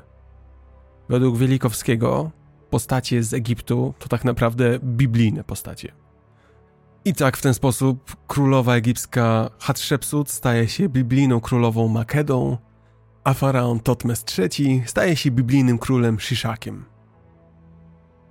Poprawiona chronologia Wielikowskiego wymaga zmiany powszechnie przyjętej chronologii Egiptu o około 500 lat. Wielikowski napisał później jeszcze na przykład książkę Światy w zderzeniach. Opowiada ona o historii Układu Słonecznego, wedle której planeta Wenus w XV wieku przed naszą erą została wystrzelona z Jowisza i przeleciała w bliskie odległości od Ziemi, zanim usadowiła się na swojej orbicie. Na dowód tego Wielikowski doszukuje się analogii do antycznych mitologii i religii. Rodakiem Wielikowskiego po nacji i po nazwijmy to fachu był Anatolii Timofiejewicz Fomienko. Fomienko idzie o krok dalej. Fomienko jest wybitnym matematykiem i członkiem Rosyjskiej Akademii Nauk ale najbardziej znany jest ze swojej pracy historycznej, w której rewiduje tradycyjną chronologię. Tak zwana nowa chronologia Fomienki twierdzi, że większość zapisanej historii została stworzona z nakazu Kościoła w celu potwierdzenia historycznego umiejscowienia wydarzeń biblijnych, a prawdziwa, rzeczywista historia zaczyna się dopiero w XI wieku naszej ery. Powtarzam, według Fomienki świat nie istniał przed 1100 rokiem naszej ery. Fomienko nie porusza w swoich pracach, co dość wygodne, kwestii z państwa egipskiego czy starożytnej Mezopotamii. Idźmy dalej. Wydarzenia, które uważamy za mające miejsce w pierwszym tysiącleciu naszej ery, wedle Fomienki są niezrozumieniem późniejszych wydarzeń średniowiecznych. Miały miejsce, ale to my źle rozumiemy ich kontekst i okoliczności. To, co zatem znamy jako starożytny Rzym, faktycznie istniało, ale w okresie średniowiecza. Jezus faktycznie żył i został ukrzyżowany, ale w Konstantynopolu w XII wieku. To wszystko są oczywiście kompletne bzdury. Dendrochronologia, czyli datowanie drewna, termoluminescencja i co najważniejsze, datowanie radiowęglowe te wszystkie metody pozwalają na dokładne określenie bezwzględnej daty powstawania danego materiału i tym samym owalają rewelacje Fomienki. To, co jest jednak niezwykłe w nowej chronologii, to nie tyle jej unikalność, co ogromne poparcie, jakie zdaje się ona zdobywać, zwłaszcza w Rosji. Wedle badań, nawet 30% rosyjskiego społeczeństwa zetknęło się i w pewien sposób sympatyzuje z nową chronologią. Książka Fomienki sprzedała się w ponad milionie egzemplarzy, a jego teorie zostały poparte przez kilku wybitnych ludzi w Rosji, na przykład przez byłego mistrza szachowego Gary'ego Kasparowa. Dziedzina pseudohistorycznej chronologii, jednak to nie tylko specjalność rosyjska. Przed wami Herbert Illig. Hipoteza czasu fantomowego Illiga została po raz pierwszy opublikowana w 1991 roku. Mówi ona, że kilka wieków przed tysięcznym rokiem naszej ery, konkretnie chodzi o okres pomiędzy 614 a 911 rokiem, zostało po prostu sfabrykowanych i wstawionych do zapisów historycznych. Miało to rzekomo nastąpić na polecenie cesarza świętego Cesarstwa Rzymskiego Ottona III, który chciał zasiąść na tronie na przełomie tysiąclecia. Dlatego doprodukowano historię. Ilik argumentuje swoją tezę faktem niedoborów archeologicznych datowanych na okres właśnie 614-911, na rzekome nieprawidłowości przy datowaniu radiometrycznym oraz na nadmierne w jego ocenie poleganiu na źródłach pisanych przez historyków.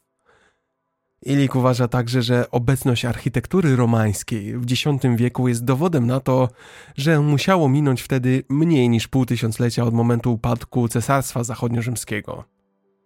Według Iliga wreszcie okres Karolingów, w tym Karol Wielki, to jedna wielka mistyfikacja, dokonana ponownie na zlecenie Ottona III, któremu wtorował papież Sylwester II.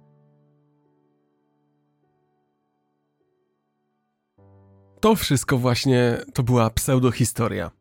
Jak widzicie, to w gruncie rzeczy sensacjonalne, ubrane w poważne szaty rewelacje.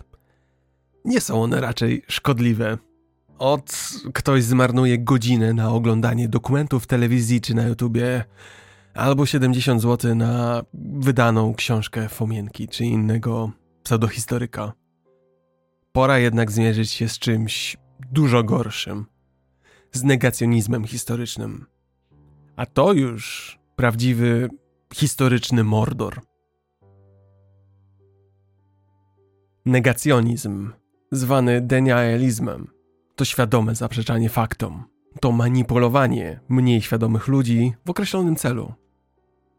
Negacjonizm nie ma nic wspólnego z rewizjonizmem historycznym, który to jak już wiemy, obejmuje techniki oparte na nowych dowodach, na rzetelnie uzasadnionych reinterpretacjach historii. Negacjonizm, próbując rewidować przeszłość, stosuje techniki niedopuszczalne w normalnym dyskursie historycznym. Przedstawia sfałszowane dokumenty jako autentyczne. Wymyśla nowe powody, dla którego rzekomo nie powinniśmy mieć zaufania do autentycznych dokumentów przypisuje fałszywe wnioski książkom i źródłom, które podają coś wprost przeciwnego. Manipuluje statystykami i celowo błędnie tłumaczy teksty. Negacjonizm to właśnie historyczne fake newsy, robione całkowicie świadomie, bardzo często na konkretne zamówienie i w konkretnym celu. Skąd właściwie bierze się negacjonizm? Dlaczego ktoś poświęca tyle czasu, aby próbować fałszować historię? To bardzo proste. Historia jest zasobem społecznym, zasobem, który kształtuje tożsamość narodową, kulturową i pamięć publiczną. Przez poznawanie historii ludzie otrzymują określoną tożsamość. Dlatego też negacjonista poprzez negatywną, fałszywą rewizję historii próbuje stworzyć nową, określoną przez samego siebie tożsamość, którą potem narzuca na innych. Ponieważ zaś historycy w ogóle są postrzegani jako osoby, które całą swoją pracą dążą do prawdy poprzez poznawanie faktów, to negacjoniści podpinają się niejako pod, pod ich dorobek. Wykorzystują wiarygodność zawodową historyków i przedstawiają swoje pseudofakty jako prawdziwe badania naukowe. Taki negacjonista potrafi podpiąć sobie łatkę wojownika o prawdę i przez to zebrać sympatię. A gdy już uzyska wiarygodność jako badacz, to łatwiej mu już przekonywać niezorientowane społeczeństwo. Myślę zresztą, że literatura popularna daje dobry przykład, czym jest negacjonizm. W książce 1984 George'a Orwella rząd Oceanii nieustannie zmieniał zapisy historyczne, aby dostosować je do współczesnych wyjaśnień politycznych partii. Kiedy Oceania była w stanie wojny z Eurazją, dokumenty publiczne, gazety, kina i telewizja wskazywały, że Oceania zawsze była w stanie wojny z Eurazją. Kiedy jednak Eurazja i Oceania już ze sobą przestały walczyć, dokumenty historyczne zostały poddane całkowitej korekcie i zmianie, czyli negacjonizmowi. Ludność poddawana była praniu mózgu, by wierzyła, że Oceania i Eurazja tak naprawdę nigdy nie walczyły ze sobą. Zawsze były sojusznikami przeciwko wschód Azji. Główny bohater powieści, Winston Smith, był redaktorem w Ministerstwie Prawdy. Był odpowiedzialny za wprowadzanie ciągłych rewizji historycznych, które to negowały sprzeczną przeszłość we współczesnym świecie oceanii. Aby poradzić sobie z psychologicznym stresem, Smith założył swój dziennik, w którym napisał: Kto kontroluje teraźniejszość, kontroluje przeszłość. Kto kontroluje przeszłość, kontroluje przyszłość. I myślę, że to właśnie jest główny ideologiczny cel negacjonizmu historycznego i doskonała jego definicja. Brytyjski historyk Richard Evans tak wypowiedział się, gdy zapytano go, jaka jest różnica między prawdziwym historykiem a historykiem negacjonistą. Powiedział: Renomowani i profesjonalni historycy nie wypierają części cytatów z dokumentów, które są sprzeczne z ich tezą, lecz biorą je pod uwagę, jeśli to konieczne, odpowiednio zmieniają swoją tezę. Nie przedstawiają jako autentycznych dokumentów, o których wiedzą, że są sfałszowane, tylko dlatego, że akurat te falsyfikaty potwierdzają to, co mówią. Nie zmyślają powodów, dla których nie ufają autentycznym dokumentom, ponieważ są one sprzeczne z ich argumentami. W takim przypadku zmieniają swoje argumenty, albo w ogóle z nich rezygnują. Nie przypisują świadomie własnych wniosków książkom i innym źródłom, które przy bliższym poznaniu mówią coś przeciwnego. Nie szukają gorączkowo najwyższych możliwych liczb w serii statystyk, niezależnie od ich wiarygodności lub nie, tylko dlatego, że chcą z jakiegokolwiek powodu zmaksymalizować daną liczbę. Raczej oceniają wszystkie dostępne liczby tak bezstronnie jak to możliwe, aby dojść do tej, która wytrzyma krytyczną analizę innych. Nie tłumaczą wreszcie świadomie źródeł w językach obcych, aby uczynić je bardziej użytecznymi dla siebie. Nie wymyślają umyślnie słów, zwrotów, cytatów, zdarzeń i wydarzeń, na które nie ma dowodów, aby tylko uczynić swoje argumenty bardziej wiarygodnymi.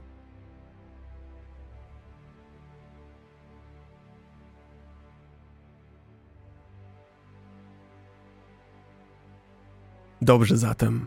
Wejdźmy wreszcie w historyczną strefę mroku. Przed wami mój subiektywny wybór najbardziej odrażających i godnych potępienia negacji historycznych, jakie są dziś obecne i na jakie na pewno natrafiliście w internecie. Mam nadzieję, że choć trochę pomogę wam przed nimi się bronić.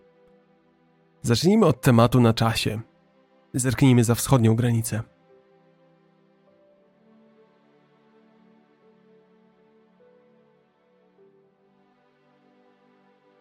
Jest sobie taka partia polityczna. Nazywa się Komunistyczna Partia Federacji Rosyjskiej KPFR. Założono ją w lutym 1993 roku. Uważa się ona za spadkobierczynię Komunistycznej Partii Związku Radzieckiego. Organem kierowniczym partii jest, a jakże, Komitet Centralny. Komunistyczna Partia Federacji Rosyjskiej to wbrew pozorom nie jest mała partia. Jest drugą po jednej Rosji Putina siłą polityczną we współczesnej Federacji Rosyjskiej. Liderem tego ugrupowania od samego początku jest Gennady Zyuganow. W kwietniu 2022 roku partia liczyła 160 tysięcy członków. Dla porównania, w Polsce największe partie polityczne mają po 30 tysięcy członków. Komunistyczna Partia Federacji Rosyjskiej nie kryje się ze swoimi przekonaniami. Deklarowanym celem partii jest ustanowienie nowej, zmodernizowanej formy prawdziwego socjalizmu w Rosji. Bezpośrednie cele partii obejmują nacjonalizację zasobów naturalnych, rolnictwa i innych dużych gałęzi przemysłu. Wszystko to w ramach gospodarki mieszanej, która pozwala na rozwój małych i średnich przedsiębiorstw w sektorze prywatnym przy ogólnej nacjonalizacji wszystkiego, co zostanie. Komunistyczna Partia Federacji Rosyjskiej jest skrajnie konserwatywna społecznie. Jest anty-LGBT, antyaborcyjna, antyliberalna, nacjonalistyczna i zawsze powołuje się na tak zwane tradycyjne wartości. Oczywiście lider partii, Ziuganow, uważa, że większość współczesnej sztuki i uczelni zostały zrujnowane przez kapitalizm. Partia popiera przywrócenie kary śmierci i jest dumna z twardego podejścia do przestępczości. Wielu czołowych polityków tej partii jest wrogo nastawionych do takich idei jak walka z globalnym ociepleniem czy ewolucja darwinowska. Mają także słabość do teorii spiskowych. Ich ulubioną tezą jest to, że w Rosji celowo niszczy się kulturę narodową i moralność, oczywiście za pośrednictwem Zachodu. Dla urozmaicenia Zuganow ma również poglądy antysemickie, ale akurat te nie są wpisane w statut partii. To jednak, co najbardziej nas interesuje w kontekście historycznym, to fakt, że partia stworzyła w zasadzie kult osobowości wokół Józefa Stalina. Komunistyczna Partia Federacji Rosyjskiej jest skrajnie apologetyczna wobec wszelkich okrucieństw, jakich dopuścił się Stalin i traktuje jako zło konieczne, ewentualnie w ogóle ignoruje i zaprzecza, że cokolwiek złego, co mogłoby oczernić Stalina, miało miejsce. I niestety ten kult rozlewa się na dzisiejszą Rosję. W 2019 roku 70% rosyjskich respondentów opowiedziało, że Stalin odegrał pozytywną rolę dla Rosji. 3 czwarte respondentów. A co gorsze, nie jest to niestety problem lokalny rosyjski. Wybielanie Stalina to prawdziwe globalne zjawisko. Niektórzy zachodni komuniści zaprzeczają, jakoby Józef Stalin był morderczym dyktatorem. Nazywają ludzi, którzy się z nimi nie zgadzają, rewizjonistami. Rozumiecie? Jeśli potępiacie Stalina, to znaczy, że daliście się zmanipulować kapitalistycznej historii. To się nazywa odwracanie kota ogonem. Najczęstszymi argumentami, które wspierają mit, że Stalin rzekomo był dobrym człowiekiem, to to, że oczywiście oczernianie Stalina to podła propaganda. W wielu wariantach oczywiście. W ramach mojego researchu do tego odcinka znalazłem następujące sformułowania, które padały podczas dyskusji o Stalinie.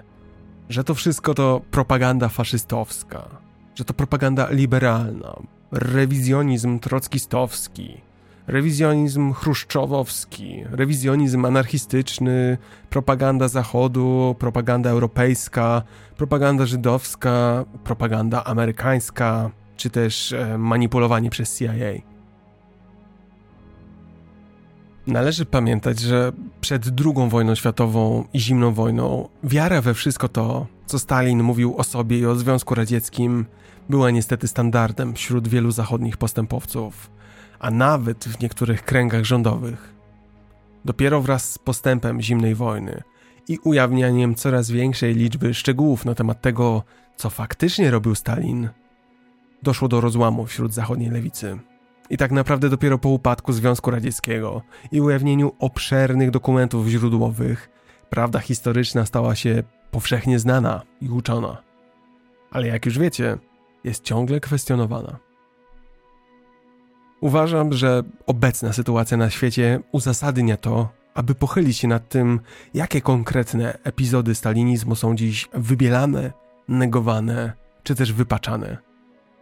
To zjawisko, jak wspomniałem, ma miejsce nie tylko w Rosji, ale też w Europie i Stanach Zjednoczonych. Nie jest wielką tajemnicą, że są ludzie, którzy zawodowo zajmują się sianiem dezinformacji i przekonywaniem społeczeństw zachodnich, że białe jest czarne i na odwrót. I dziś, jeśli zajrzycie do króliczej nory, czyli na Twittera, na grupy na Facebooku, kanały na Telegramie, bardzo szybko zostaniecie wręcz zalani karygodną wręcz dezinformacją. I to podaną z takim sosem, że dla osoby postronnej wszystko będzie miało sens. Zacznijmy może od tematu Ukrainy, od Hołodomoru. Wielki głód na Ukrainie, Hołodomor, była to sztucznie wywołana przez komunistyczne władze ZSRR klęska głodu. Miała miejsce w latach 1932-33.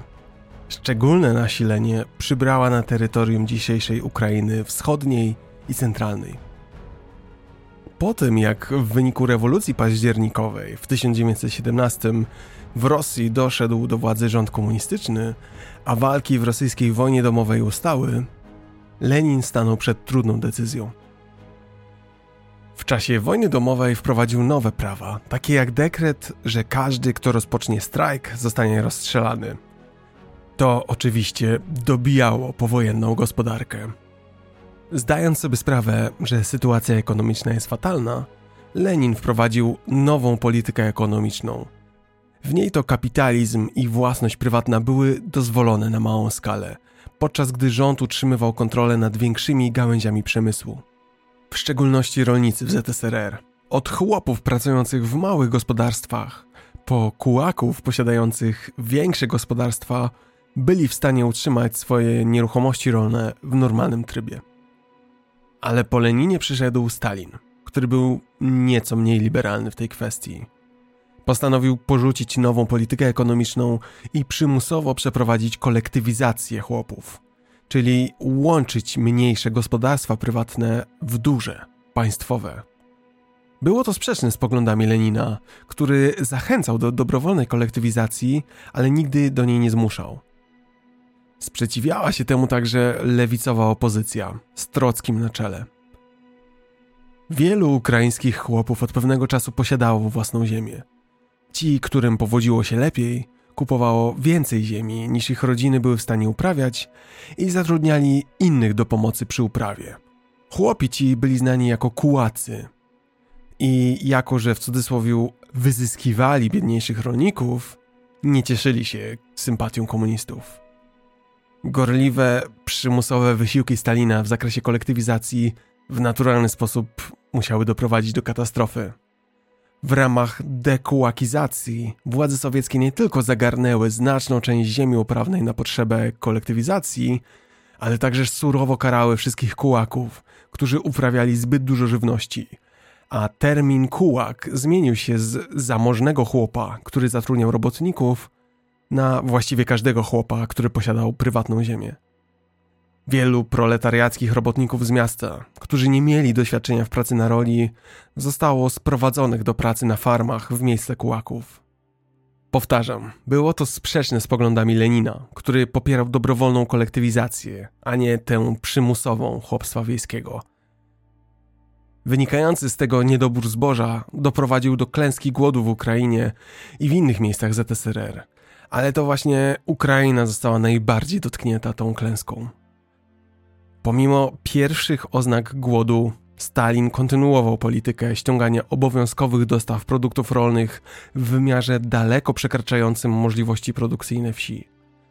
Wymuszano to siłą, z użyciem wojska i surowych kar.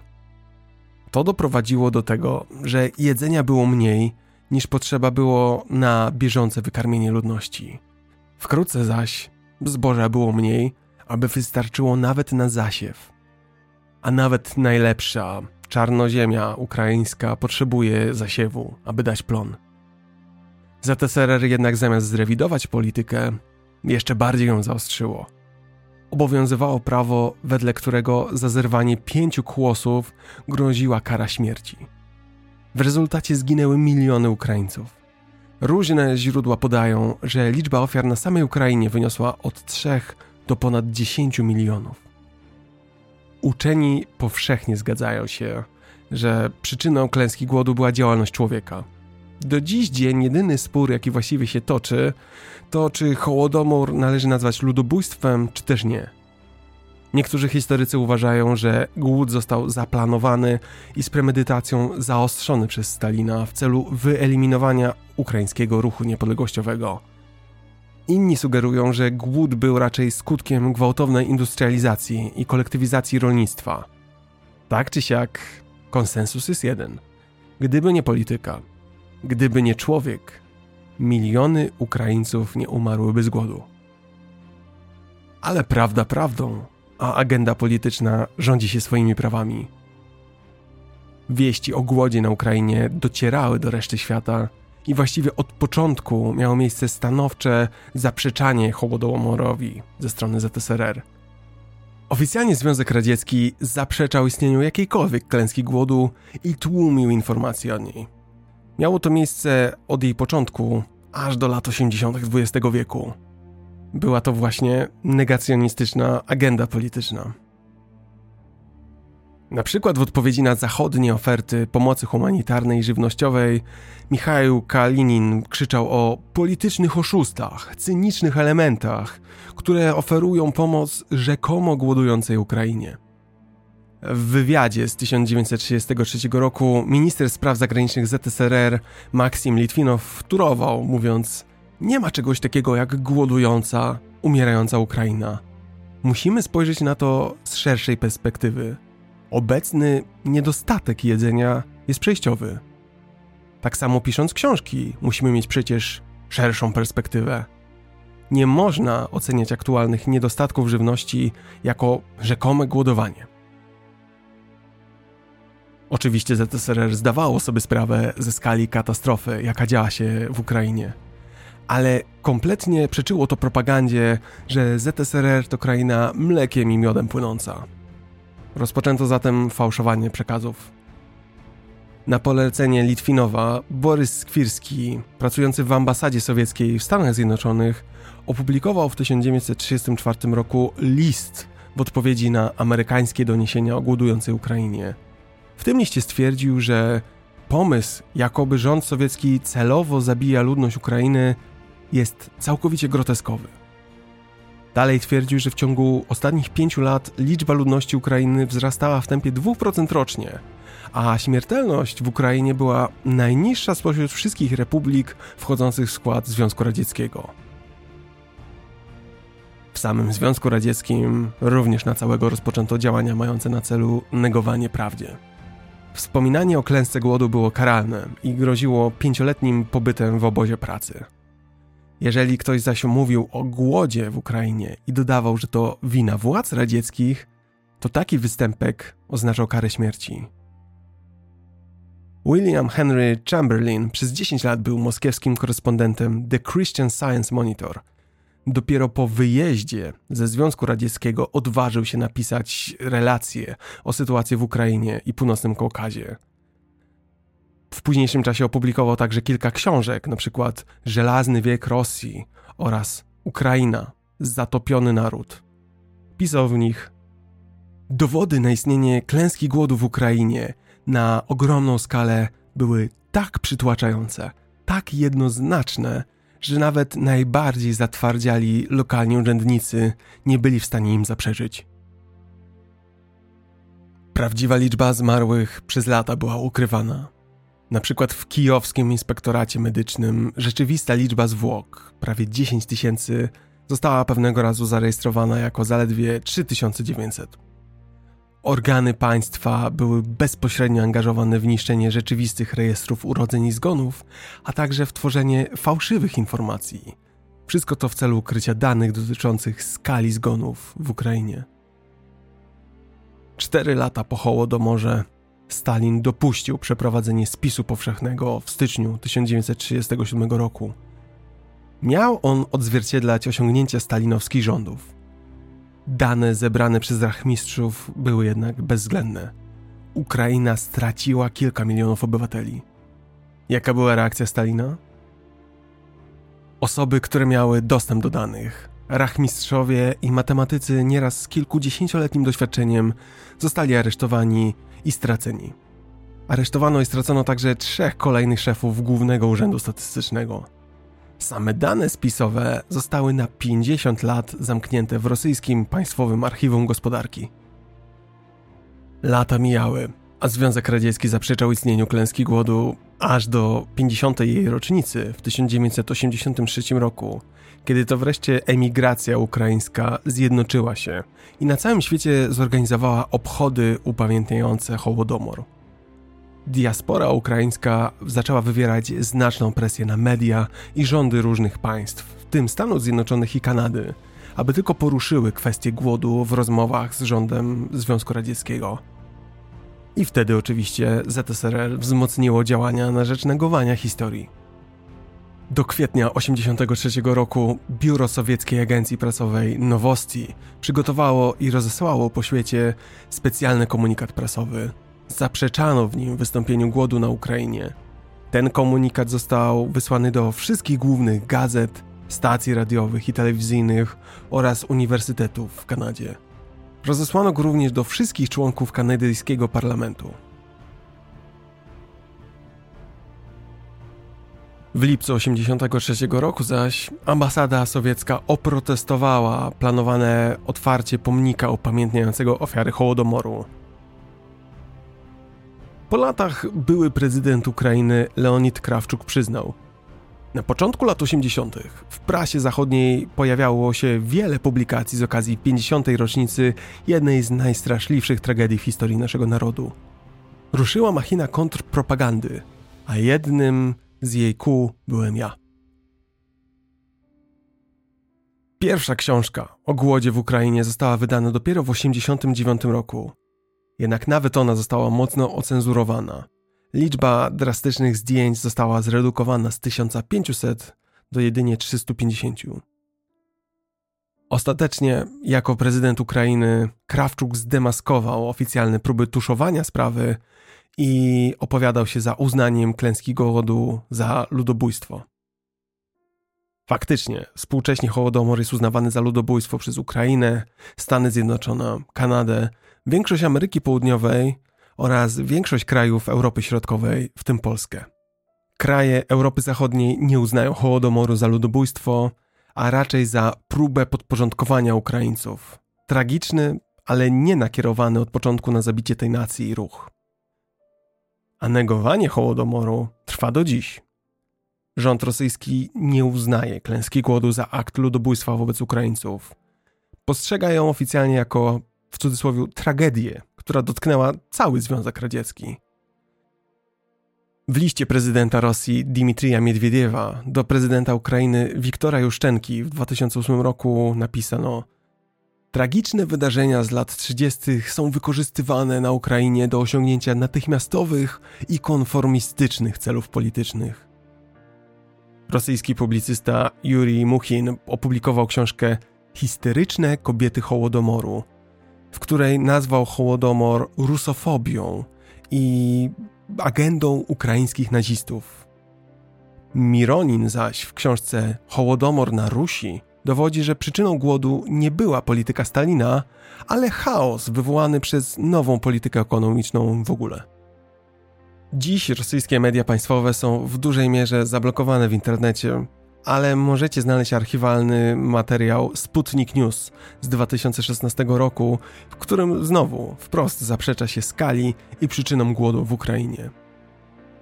A efektem tak długiej polityki negacji historii są następujące dane. Choć wiele stron, jak wspomniałem, jest zablokowanych, to znalazłem dwa sondaże z 2008 i 2010 roku. I tak, tylko co 20 Rosjanin jest przekonany, że Rosja jest odpowiedzialna za ludobójstwo narodu ukraińskiego w latach 32-33. Wśród Rosjan najczęściej 25% respondentów powtarzała się opinia, że głód był wynikiem nieudanej stalinowskiej polityki zwalczania kułaków i kolektywizacji rolnictwa. Sondaż wykazał też, że ponad 1 trzecia Rosjan, 34%, nie ma w ogóle zdania na temat Hołodomoru. 52% Rosjan zaś nie uważa za konieczne przepraszania Ukrainy za głód. I to był właśnie przykład negacjonizmu historycznego. Konsekwentne, kierunkowe działania mające na celu zmianę powszechnej narracji na tę fałszywą, zmanipulowaną. A wszystko po to, aby, tak jak w tym przypadku, zdjąć odpowiedzialność z jednego państwa wobec drugiego.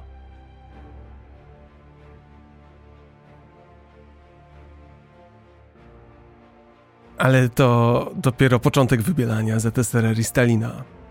Te szaleństwo wybielania zbrodni Związku Radzieckiego rozciąga się na prawie wszystkie aspekty tego państwa. Na przykład negowane są zbrodnie na kułakach. Tak jak wspomniałem, kułacy byli pierwotnie najbogatszymi, niezależnymi rolnikami, wywodzącymi się z chłopstwa. Lenin potępił ich jako wrogów klasowych, krwiopijców, wampirów, grapieżców ludu i spekulantów, którzy tłuczą się na głodzie. Stalin, dążąc do kolektywizacji całego rolnictwa, rozszerzył oficjalną definicję kułaka już na każdego chłopa posiadającego ziemię albo żywy inwentarz. Kułakiem mógł zostać nawet chłop, który sprzedawał nadwyżki towarów na rynku.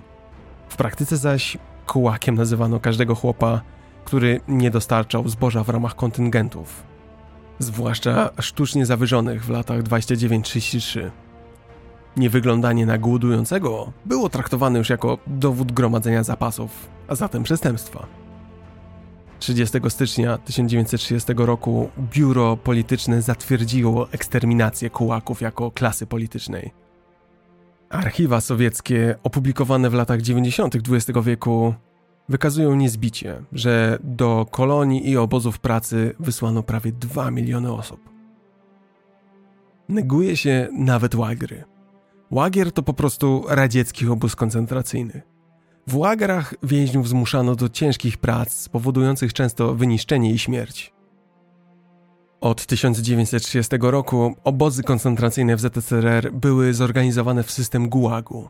Ich liczba i liczebność więźniów skokowo wzrosła, a niewolnicza praca przymusowa więźniów stała się ważnym elementem gospodarki ZSRR. Do dziś możecie znaleźć opinie różnej maści badaczy, że łagry były przeznaczone rzekomo tylko dla przestępców, którzy popełniali poważne przestępstwa, zabójstwa, rabunki, przestępstwa gospodarcze. W rzeczywistości do łagrów można było trafić nawet za drobne przewinienia. Obecnie szacuje się, że w latach 34-53 w łagrach zginęło 1 300 tysięcy osób, a w latach 29-59 około 1 600 Niektóre współczesne szacunki mówią o ogólnej liczbie 6 milionów ofiar. Apologeci Stalina będą próbować fałszować nawet wielką czystkę, a to już naprawdę duże negacjonistyczne osiągnięcie. Wielka czystka, zwana też Wielkim Terrorem, była kampanią Józefa Stalina, która miała na celu umocnienie jego władzy nad partią i państwem – Czystki miały na celu również usunięcie pozostałych wpływów Lwa Trockiego oraz innych znaczących rywali politycznych w partii. Trwały od sierpnia 36 do marca 38, nieco ponad dwa lata. O co chodzi? Po śmierci Lenina w 24 roku w partii komunistycznej powstała luka do zapełnienia. Różne znane osobistości z rządu Lenina próbowały zostać jego następcami. Józef Stalin, sekretarz generalny partii, przechytrzył przeciwników politycznych i do 28 roku ostatecznie przejął kontrolę nad partią komunistyczną. Początkowo przywództwo Stalina było powszechnie akceptowane, a doktryna socjalizmu w jednym kraju stała się trwałą polityką partii. Ale na początku lat 30., po klęskach kolektywizacji, np. w Ukrainie, oraz po niewielkim sukcesie pierwszego planu pięcioletniego funkcjonariusze partyjni zaczęli tracić wiarę w przywództwo Stalina. Te niepowodzenia doprowadziły do tego, że rywale, tacy jak Trocki, próbowali odsunąć dowództwo Stalina. W tej atmosferze wątpliwości i podejrzeń w 1934 roku został zamordowany popularny urzędnik wysokiego szczebla, Siergiej Kirow. Jego śmierć zapoczątkowała śledztwo, które ujawniło sieć członków partii spiskujących przeciwko Stalinowi. Wielu z aresztowanych w związku z zabójstwem Kirowa przyznało się do planów zabicia Stalina, w tym także wysocy rangą urzędnicy partyjni.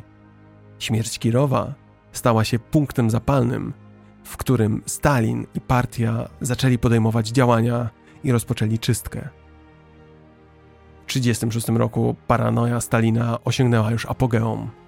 Strach przed utratą pozycji, potencjalny powrót Trockiego i rosnące zagrożenie faszyzmem z zachodu skłoniły go do wydania zgody na przeprowadzenie wielkiej czystki. Rozpoczął się krwawy sowiecki terror. Same czystki były w dużej mierze przeprowadzane przez NKWD, czyli tajną policję ZSRR. Początkowe etapy czystek były wymierzone w sam rząd sowiecki. NKWD zaczęło usuwać centralne kierownictwo partii, starych bolszewików, urzędników państwowych i regionalnych szefów partii. Dalej czystki objęły Armię Czerwoną i Naczelne Dowództwo Wojskowe, co miało katastrofalne skutki dla całego wojska. W Moskwie odbyły się trzy kolejne procesy, w których usunięto większość starych bolszewików i osoby podważające autorytet Stalina. Gdy zakres czystek zaczął się rozszerzać, wszechobecne podejrzenie o sabotażystów i kontrrewolucjonistów zaczęło wpływać już na życie cywilne. NKWD wzięło na celownik niektóre mniejszości etniczne, które poddano przymusowym deportacjom i represjom. W trakcie czystek NKWD powszechnie stosowały więzienia, tortury, brutalne przesłuchania i samowolne egzekucje. Wszystko po to, aby umocnić kontrolę nad ludnością cywilną poprzez strach i terror. Dopiero w 1938 roku Stalin zmienił swoje stanowisko w sprawie czystek i ogłosił, że wrogowie wewnętrzni zostali już usunięci. Następnie skrytykował NKWD za przeprowadzanie masowych egzekucji i rozstrzelał Genricha Jagodę i Nikołaja Jeżowa, którzy to stali na czele NKWD w latach czystek. W ten sposób umył ręce od wszelkiego terroru. Dziś naukowcy szacują, że liczba ofiar śmiertelnych Wielkiej Czystki wyniosła 700 tysięcy osób. 700 tysięcy to łączna liczba mieszkańców Gdańska, Gdyni i Sopotu. Zniknęli w ciągu niespełna dwóch lat z powodu paranoi jednego człowieka. Dziś oczywiście bez trudu znajdziecie źródła, które próbują umniejszać skalę tych morderstw. Na przykład brytyjskie Towarzystwo Stalinowskie twierdzi, że po pierwsze czystki były uzasadnione tym, aby na skutek zmiany władzy nie doszło do milionów śmierci. Po drugie, że to tak naprawdę Jeżow dokonał wielkiej czystki, a Stalin, gdy tylko się dowiedział o skali morderstw, zahamował ten proceder. A po trzecie, że podczas wielkiej czystki stracono tylko, w cudzysłowie, 100 tysięcy osób. Fakty zaś są następujące. Stalin osobiście podpisał co najmniej 357 nakazów zbiorowych egzekucji. Uprawniały one do zabicia ponad 40 tysięcy osób. Historyk Oleg Chlewniuk w swojej książce Stalin i jego wewnętrzny krąg pisze teorię o wybiórczym, kierunkowym terrorze, o utracie przez Stalina kontroli nad przebiegiem masowych represji po prostu nie znajdują potwierdzenia w zapisach historycznych.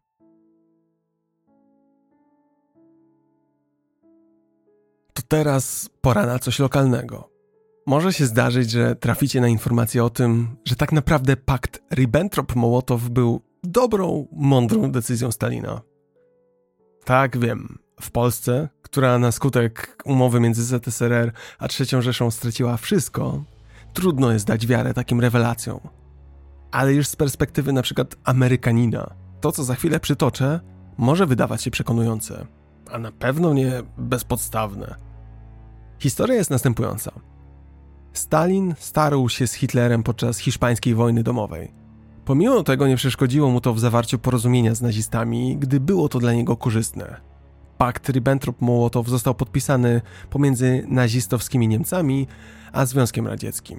Miało to miejsce pod koniec sierpnia 1939 roku. Formalnie był to pakt o nieagresji pomiędzy ZSRR i III Rzeszą. Niecałe trzy tygodnie później Niemcy najechały na Polskę, a powszechnie szanowany Chamberlain natychmiast wypowiedział wojnę Hitlerowi. Stalin czekał jeszcze kilka tygodni i również zaatakował Polskę. Dla uczczenia zwycięstwa Wehrmachtu i Armii Czerwonej zorganizowano wspólną paradę zwycięstwa w Brześciu na Białorusi. Na znak solidarności Stalin przekazał część jeńców wojennych Hitlerowi, który to natychmiast wysłał ich do obozów koncentracyjnych. Dlaczego na skutek paktu o nieagresji doszło tak naprawdę do kolejnego rozbioru Polski. Otóż pakt Ribbentrop-Mołotow zawierał tajne protokoły, które dzieliły Europę na strefę wpływów pomiędzy nazistowskie Niemcy a Związek Radziecki. W praktyce pozwoliło to Stalinowi bez sprzeciwu nazistów prowadzić politykę imperialistyczną, w tym wspomnianą inwazję na wschodnie ziemie polskie. Pozwoliło mu to także na okupację krajów bałtyckich oraz na katastrofalną inwazję na Finlandię. Stalin tak bardzo ufał Hitlerowi, tak kurczowo trzymał się swojej umowy z nim, że odmówił mobilizacji Armii Czerwonej nawet dwa lata później, gdy dla wszystkich było już jasne, że naziści przygotowują się do ataku na Związek Radziecki. Jak zatem można wybielić pakt Ribbentrop-Mołotow, zapytacie?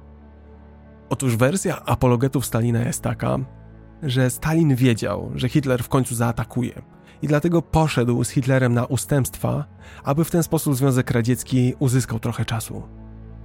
Taka perspektywa wygodnie pomija fakt, że Stalin w pierwszych godzinach po rozpoczęciu inwazji nie chciał przyjąć do wiadomości, że Hitler faktycznie złamał pakt i był wściekły na oficerów armii, którzy donosili mu o masowym natarciu nazistów. Inna bezpodstawna sugestia mówi, że pakt Ribbentrop-Mołotow był dobry, bo udaremnił złowrogi spisek kapitalistów i imperialistów, którzy próbowali wciągnąć ZSRR i III Rzeszę we wzajemną wojnę. Taka wojna miała osłabić obie strony, z korzyścią zwłaszcza dla Wielkiej Brytanii i Francji.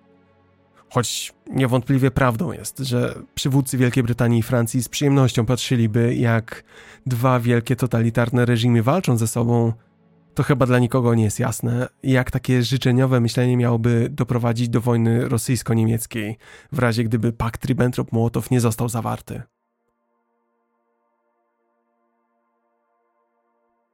Kolejną rzeczą, na którą natknąłem się podczas przygotowań do tego odcinka, ponownie dotyczy Stalina i Polski.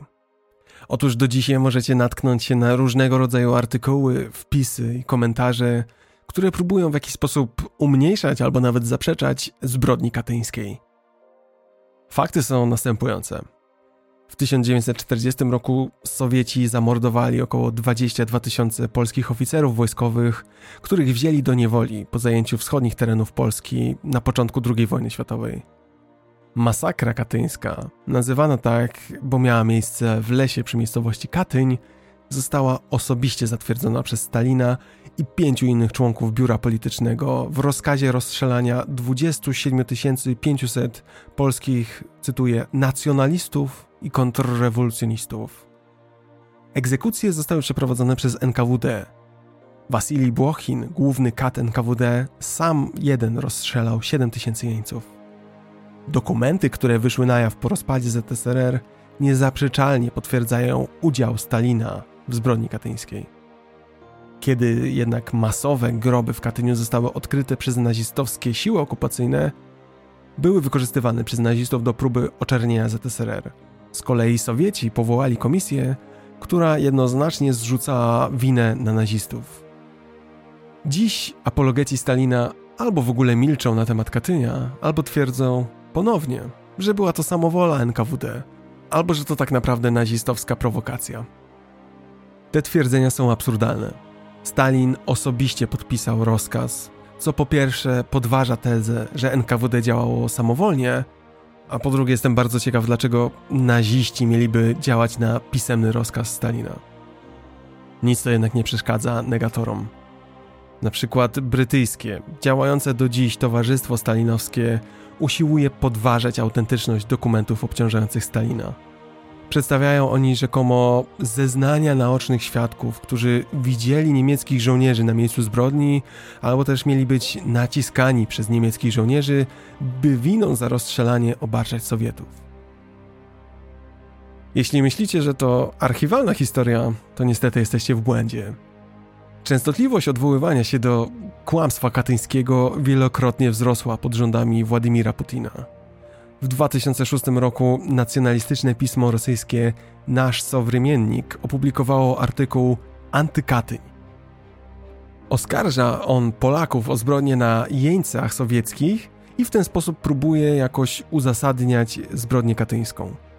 W 2008 roku został zatwierdzony do szkół rosyjskich podręcznik Historia Rosji 1900-1945.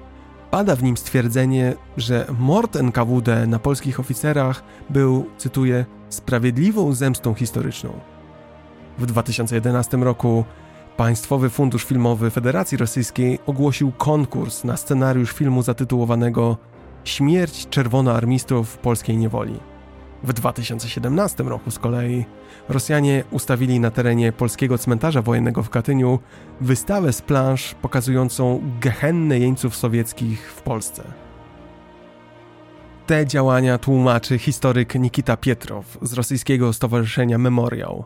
Mówi on: Propagandzie Putina chodzi o to, aby wszyscy zaczęli myśleć w ten prosty, poprawny sposób postrzegania i przyswajania zbrodni katyńskiej. Główna myśl jest następująca. Stalin był oczywiście zły, ale nie był wyjątkiem. On zabijał Polaków, ale Polacy zabijali także nas. Prócz kwestionowania wszystkich tych konkretnych zdarzeń, możecie wreszcie trafić na próby manipulacji przy szacowaniu liczby ofiar represji stalinowskiej. A niestety tutaj jest duże pole do popisu, bo wiele źródeł po prostu nie istnieje. Brytyjski historyk Eric Hobsbawm powiedział: Prawdopodobnie nigdy nie będzie możliwe dokładne obliczenie kosztów ludzkich dziesięcioleci rządów żelaznej rosyjskiej ręki, ponieważ nawet oficjalne statystyki egzekucji populacji łagrów, które istnieją lub mogą jeszcze być dostępne, nie obejmują wszystkich strat. A szacunki różnią się ogromnie w zależności od założeń przyjętych przez osoby dokonujące oceny. Złowrogi paradoks polega na tym, że lepiej wiemy, jakie straty poniósł radziecki inwentarz żywy w tym okresie, niż to, ilu przeciwników reżimu poddano eksterminacji. Już samo zatajenie spisu ludności z 1937 roku stanowi przeszkodę nie do pokonania. Dalej Hobsbawm mówi: Mimo to, niezależnie od przyjętych założeń, liczba bezpośrednich i pośrednich ofiar musi być mierzona raczej w ośmiu niż w siedmiu cyfrach. W tych okolicznościach nie ma większego znaczenia, czy zdecydujemy się na konserwatywny szacunek bliższy 10 czy 20 milionom, czy też na większą liczbę. Żadnej z tych liczb nie można określić inaczej niż haniebna, nie do usprawiedliwienia. Dlaczego o tym mówię? Bo właśnie ta niepewność, brak konkretnej liczby ciał ludzkich daje pożywkę dla ideologicznej, negacjonistycznej narracji Nadal niektórzy apologeci twierdzą, że całkowita liczba ofiar Stalina nie jest znana, co przecież jest w pewnym sensie prawdą, gdyż w niektórych obszarach brak do dziś dokumentacji, albo też, że szacowana liczba ofiar maleje, co również jest prawdą, bo zazwyczaj szacunki są wyższe niż realnie odnajdywane dowody. Konsensus naukowy mówi, że ogólna liczba śmierci na skutek różnorakich decyzji czy polityk Stalina wynosi 20 milionów ale opierając się na powyższych niepewnościach, apologeci i manipulatorzy próbują podważać wszelkie kalkulacje. I to wszystko, co powiedziałem, niestety zbiera dziś żniwo. Wielu współczesnych ludzi, Rosjan, ale również w Europie czy Ameryce, wykazuje niepokojąco apologetyczny stosunek do Stalina. Potrafią padać stwierdzenia, że był silnym przywódcą, że wygrał II wojnę światową, że po drodze faktycznie nie uniknął błędów, ale każdemu się mogą zdarzyć. Stalin jest najbardziej popularny wśród starszych Rosjan, którzy mają osobiste wspomnienia z II wojny światowej, którzy doświadczyli niedostatku wynikającego z końca radzieckiego komunizmu i zastąpienia go biedą epoki Jelcyna. Przez to mają tendencję do postrzegania epoki radzieckiej jako czas względnej stabilności i bezpieczeństwa. Znamy to też poniekąd e, z podejścia do PRL-u w Polsce. Władimir Putin publicznie określił Stalina mianem skutecznego menedżera. Pewnego razu zwrócił się do nauczycieli i powiedział, aby unikali historii, które sprawiają, że włosy stają dęba. To oznacza zakaz wspominania o egzekucjach, o głodzie spowodowanym przymusową kolektywizacją rolnictwa, o czystkach, masowych deportacjach i łagrach. Putin zresztą może poszczycić się wieloma innymi cytatami o Stalinie. Powiedział na przykład: Nie da się wydać ogólnego osądu. Jest oczywiste, że od 24 do 53 roku kraj, którym rządził Stalin, zmienił się ze społeczeństwa rolnego na przemysłowe.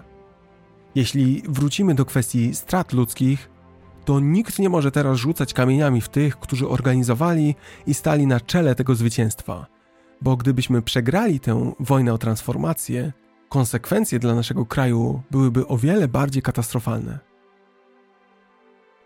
To wszystko ma wpływ na to, jak wygląda dzisiejszy świat. Dlatego tak istotne jest, aby prostować, aby walczyć z takimi negacjonistycznymi kłamstwami. Bo to niestety nie jest wyjątek, że historyczny negacjonizm dotyka jednej strony sporu. W przypadku XX wieku mamy do czynienia z równie powszechnymi próbami wybielania skrajnej prawicy. Przenieśmy się zatem na zachód, gdzie jeśli dobrze poszukacie, to możecie trafić na coś, co zwie się Dolsztus Legendę. Dolsztus Legendę to teoria spiskowa propagowana przez nazistów i inne ugrupowania prawicowe po I wojnie światowej. Za przegraną obwiniała ona bolszewików, polityków weimarskich i Żydów. Dolchstus legendę oznacza legenda o ciosie w plecy. I to ten mityczny cios w plecy miał być zadany wygrywającym Niemcom podczas I wojny światowej. Te mity o ciosie w plecy są nadal obecne w neofaszystowskich ruchach. O co chodzi? Pierwsza wojna światowa trwała od 1914 do 1918 roku. Pod jej koniec członkowie mocarstw centralnych w tym cesarstwo niemieckie, z dnia na dzień coraz bardziej zmierzali ku klęsce, a I wojna światowa wreszcie miała się ku końcowi. Choć wówczas na froncie zachodnim linie niemieckie nadal przebiegały przez terytorium wrogiej Niemcom Francji, to armii Cesarstwa Niemieckiego zaczęły kończyć się siły rezerwowe. Armia zaczęła cierpieć z powodu blokad, przez to chronicznie brakowało jej niemal wszystkich materiałów wojennych, a nawet żywności.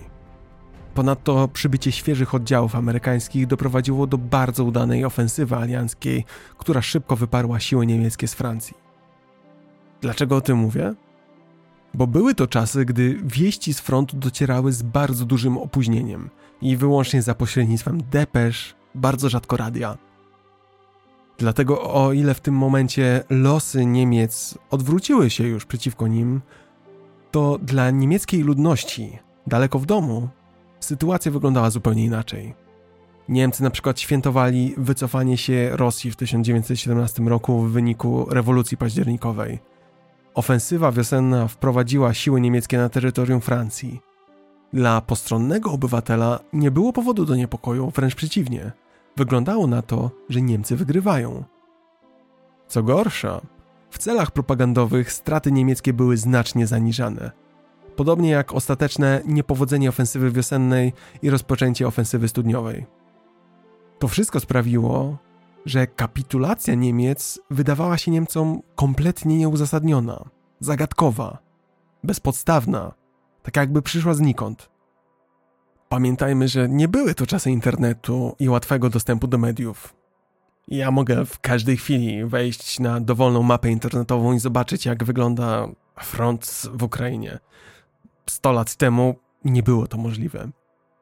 I to wówczas właśnie na podatny grunt trafiła teoria o ciosie w plecy. Teoria, że Niemcy wygrywali wojnę i byli na drodze do jej zakończenia, ale otrzymali z zaskoczenia cios w plecy. Na domiar złego traktat wersalski nakładał na Niemców bardzo dotkliwe reparacje wojenne, a także obarczał ich całkowitą winą za I wojnę światową. To wszystko sprawiło, że wielu Niemców popadło w negację rzeczywistości. Przekładało się to na codzienne życie w przegranych Niemczech. Zaczęły powstawać różne teorie. Głosiły one, że bolszewickie związki zawodowe pomogły w odcięciu dostaw na linię frontu, dlatego Niemcy przegrali. Pojawiały się teorie, że komuniści i Żydzi potajemnie pracowali nad podburzaniem do wewnętrznej niezgody w wojsku, że zawierali zakulisowe układy z aliantami – i ogólnie wyprzedawali Niemcy dla własnych korzyści. Te teorie znalazły znaczną akceptację wśród nacjonalistów i antysemitów. Gdy na przykład w fabrykach dochodziło do strajków czy dezercji na froncie, to każdy taki incydent wyolbrzymiano i przekształcano w wielki rzekomy spisek dysydentów. I niestety, ale teoria ciosów plecy trwała. Zgrabnie tłumaczyła przegraną Niemiec w I wojnie światowej, dawała wygodną pozycję wszystkim, którzy czuli się pokrzywdzeni. To przecież nie tak, że Niemcy przegrały wojnę. To Niemcy zostały zdradzone, gdy walczyły w słusznej sprawie. Nie będzie to zatem zaskoczeniem, gdy powiem, że legenda o ciosie w plecy została wykorzystana też przez Hitlera. Opisał on ją w swojej książce Mein Kampf, fantazjując na temat mrocznego spisku między bolszewikami, centrolewicowymi politykami weimarskimi i Żydami. Propaganda nazistowska w dużym stopniu wykorzystywała tę legendę, korzystając z niechęci Niemców do mocarstw sprzymierzonych i do traktatu wersalskiego – gdy zaś w 1933 roku naziści przejęli kontrolę nad rządem, negacjonistyczna wersja została uznana za prawdę historyczną. Po II wojnie światowej do pewnego stopnia rozkwitła nowa legenda o drugim ciosie w plecy. Wedle niej Niemcy rzekomo mogły wygrać tę wojnę, gdyby nie to, że Hitler zwariował i zaczął podejmować nieracjonalne decyzje, wierząc w swój nieprzemijający geniusz – Pozostając przy III Rzeszy, pomimo że dziesiątki tysięcy więźniów, którzy przeżyli Auschwitz, były świadkami popełnianych tam zbrodni, pomimo że pozostawili oni po sobie tysiące zeznań, relacji i wspomnień, pomimo że mamy znaczne ilości dokumentów, fotografii, przedmiotów materialnych, są dalej ludzie i organizacje, które zaprzeczają, że w obozach mordowano setki tysięcy ludzi, że działały komory gazowe, że krematoria spalały zwłoki. Innymi słowy, zaprzeczają, że miało miejsce Holokaust. Auschwitz jest pod wieloma względami głównym celem ataków negacjonistów ale negowanie ludobójstwa, istnienia komór gazowych i masowych mordów rozciąga się na wszystkie obozy koncentracyjne i na masowe zabijanie wszystkich nacji. Skala tego zjawiska, zaprzeczania Holokaustowi i jego społeczna szkodliwość zostały uznane w wielu krajach za zagrożenie dla porządku publicznego i prawnie karane. Procedury prawne wszczynane co jakiś czas przeciwko negacjonistom dowodzą, że ten problem jest realny. Jest to problem nie tylko dla prokuratorów, ale także wyzwanie dla historyków i instytucji edukacyjnych. Zaprzeczanie skali ludobójstwa, czy w ogóle milczenie na ten temat, nie jest niestety niczym nowym. Od początku wojny, głównie ze względów politycznych, sami naziści robili wszystko, aby utrzymać w niewiedzy międzynarodową opinię publiczną, a przede wszystkim kraje alianckie neutralne. Wąskie grono nazistowskiej elity rządzącej nie ukrywało jednak tych zbrodniczych czynów we własnym gronie. Przemawiając na przykład do wysokich rangą oficerów w Poznaniu, Himmler w 1943 roku powiedział: Większość z was tutaj obecnych wie, co to znaczy, gdy 100 trupów leży obok siebie, a nawet gdy leży ich 500. To właśnie jest honorowa karta naszej historii, która jednak nigdy nie zostanie zapisana. Co robili naziści, aby ukryć popełniane przez siebie zbrodnie? Co robili, aby ta honorowa karta historii nigdy nie została spisana? Po pierwsze, ograniczano do minimum pisemne zapisy zbrodni. Po drugie, fałszowano dokumentację w takim stopniu, w jakim tylko było to konieczne ze względów technicznych czy organizacyjnych. A po trzecie, na koniec niszczono zbędną czy też najbardziej obciążającą część dokumentacji, gdy tylko już spełniła ona swoją rolę w końcowej fazie istnienia III Rzeszy. Niszczono zresztą nie tylko dokumenty, niszczono także aparaturę masowych mordów oraz likwidowano świadków. Dziś osoby negujące Holokaust wygłaszają jedno z następujących fałszywych twierdzeń – po pierwsze mogą mówić, że ostateczne rozwiązanie w nazistowskich Niemczech miało na celu jedynie deportację Żydów i nie obejmowało ich eksterminacji. Po drugie, że władze nazistowskie nie wykorzystywały obozów zagłady i komór gazowych do ludobójstwa. Po trzecie, że rzeczywista liczba mordowanych Żydów jest znacznie niższa od przyjętych 6 milionów. Najczęściej powołują się na około 1 dziesiątą tej liczby a po czwarte, że Holokaust to tak naprawdę propaganda i oszustwo dokonywane przez aliantów, Żydów i Związek Radziecki. Jeśli macie ochotę dowiedzieć się ze szczegółami, co to znaczy, gdy negator Holokaustu kwestionuje, że komory gazowe służyły gazowaniu ludzi, to zapraszam do jednego z moich pierwszych odcinków tego podcastu. A tymczasem przechodzimy do ostatniej negacjonistycznej karty tego odcinka. I będzie kontrowersyjnie. Utracona racja południa.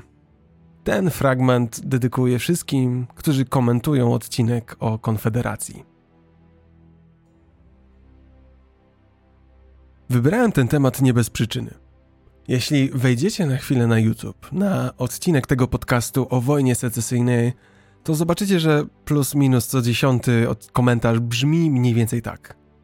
Ogólnie lubię ten podcast, ale tutaj dałeś się ogłupić lewactwo, poprawności politycznej.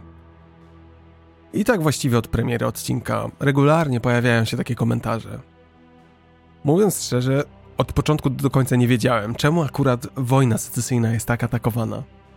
To jedyny do tej pory odcinek, gdzie wprost kwestionowana jest warstwa merytoryczna. Zacząłem zatem grzebać i kilka tygodni temu stało się dla mnie jasne, że nie jest to bynajmniej jakiś polski, lokalny patriotyzm wobec amerykańskiej konfederacji. Na świecie działa cała wielka agenda, cała teoria negocjonistyczna, tak zwana utracona racja konfederacji, the lost cause of the South. Wojna secesyjna w Stanach Zjednoczonych była nie tylko konfliktem militarnym. Była przede wszystkim zderzeniem dwóch wizji politycznych, a także dwóch skrajnie odmiennych modeli gospodarki: nowoczesnej cywilizacyjnie, przemysłowej północy i zacofanego rolniczego południa, żyjącego z eksportu bawełny. Uprawa bawełny, podobnie jak uprawa tytoniu, kukurydzy i trzciny cukrowej, opierała się na pracy niewolników. Specjalnie w tym celu przywożono ich z Afryki, pomimo obowiązującego od 1808 roku oficjalnego zakazu. Jednak skutecznie omijano go przez kontrabandę. Wojnę secesyjną południe przegrało. Kosztem upadku wielkiej wizji politycznej i kosztem setek tysięcy ofiar wojny domowej. I właściwie od tego momentu pojawiła się utracona sprawa południa. To cała organiczna interpretacja amerykańskiej wojny secesyjnej. Jest ona postrzegana przez znaczącą większość historyków jako mit, który próbuje zachować honor południa, który próbuje przedstawić klęskę Konfederacji w jak najlepszym świetle. Przypisuje on przegraną przytłaczającej przewadze Unii w sile roboczej i w zasobach, nostalgicznie sławi dawne południe, rzekomo życzliwych właścicieli niewolników i zadowolonych zniewolonych ludzi, a także bagatelizuje albo w ogóle pomija niewolnictwo jako przyczynę wojny. Zapytacie, dlaczego próbować od wielu lat konsekwentnie rewidować przyczyny wojny? Dlaczego to ciągle jest temat debat? Musimy pamiętać, że wszystkie wojny i ich następstwa zmuszają do walki o pamięć o nich. Zazwyczaj wojna pozostawia po sobie emocjonalne, logistyczne i fizyczne urazy związane z żałobą, odbudową, a nawet przetrwaniem całego narodu. Wielka strata jest uniwersalnym elementem żniwa wojny. Widzimy ją na niezliczonych cmentarzach we współczesnych krajobrazach, na wszelkiego rodzaju pomnikach oraz w mniej widocznych ideologiach, które powstają w wyniku zmagań o interpretację i wyjaśnienie znaczenia danej wojny.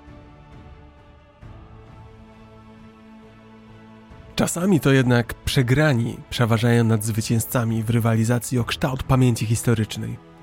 Częściowo tak właśnie było w Stanach Zjednoczonych pod koniec XIX i na początku XX wieku.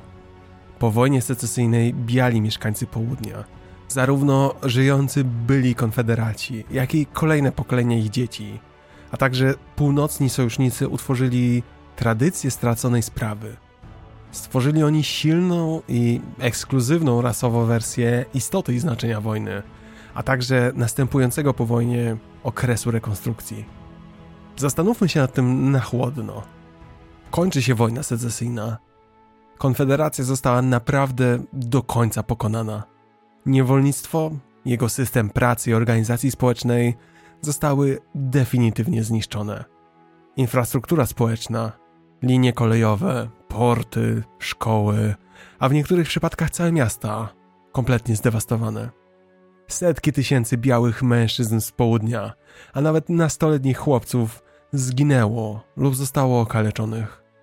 W niektórych regionach południa plantacje zostały zrównane z ziemią. Dawna konfederacja była krainą ruin. I tu do gry wchodzi unikalna kwestia w przypadku wojen domowych.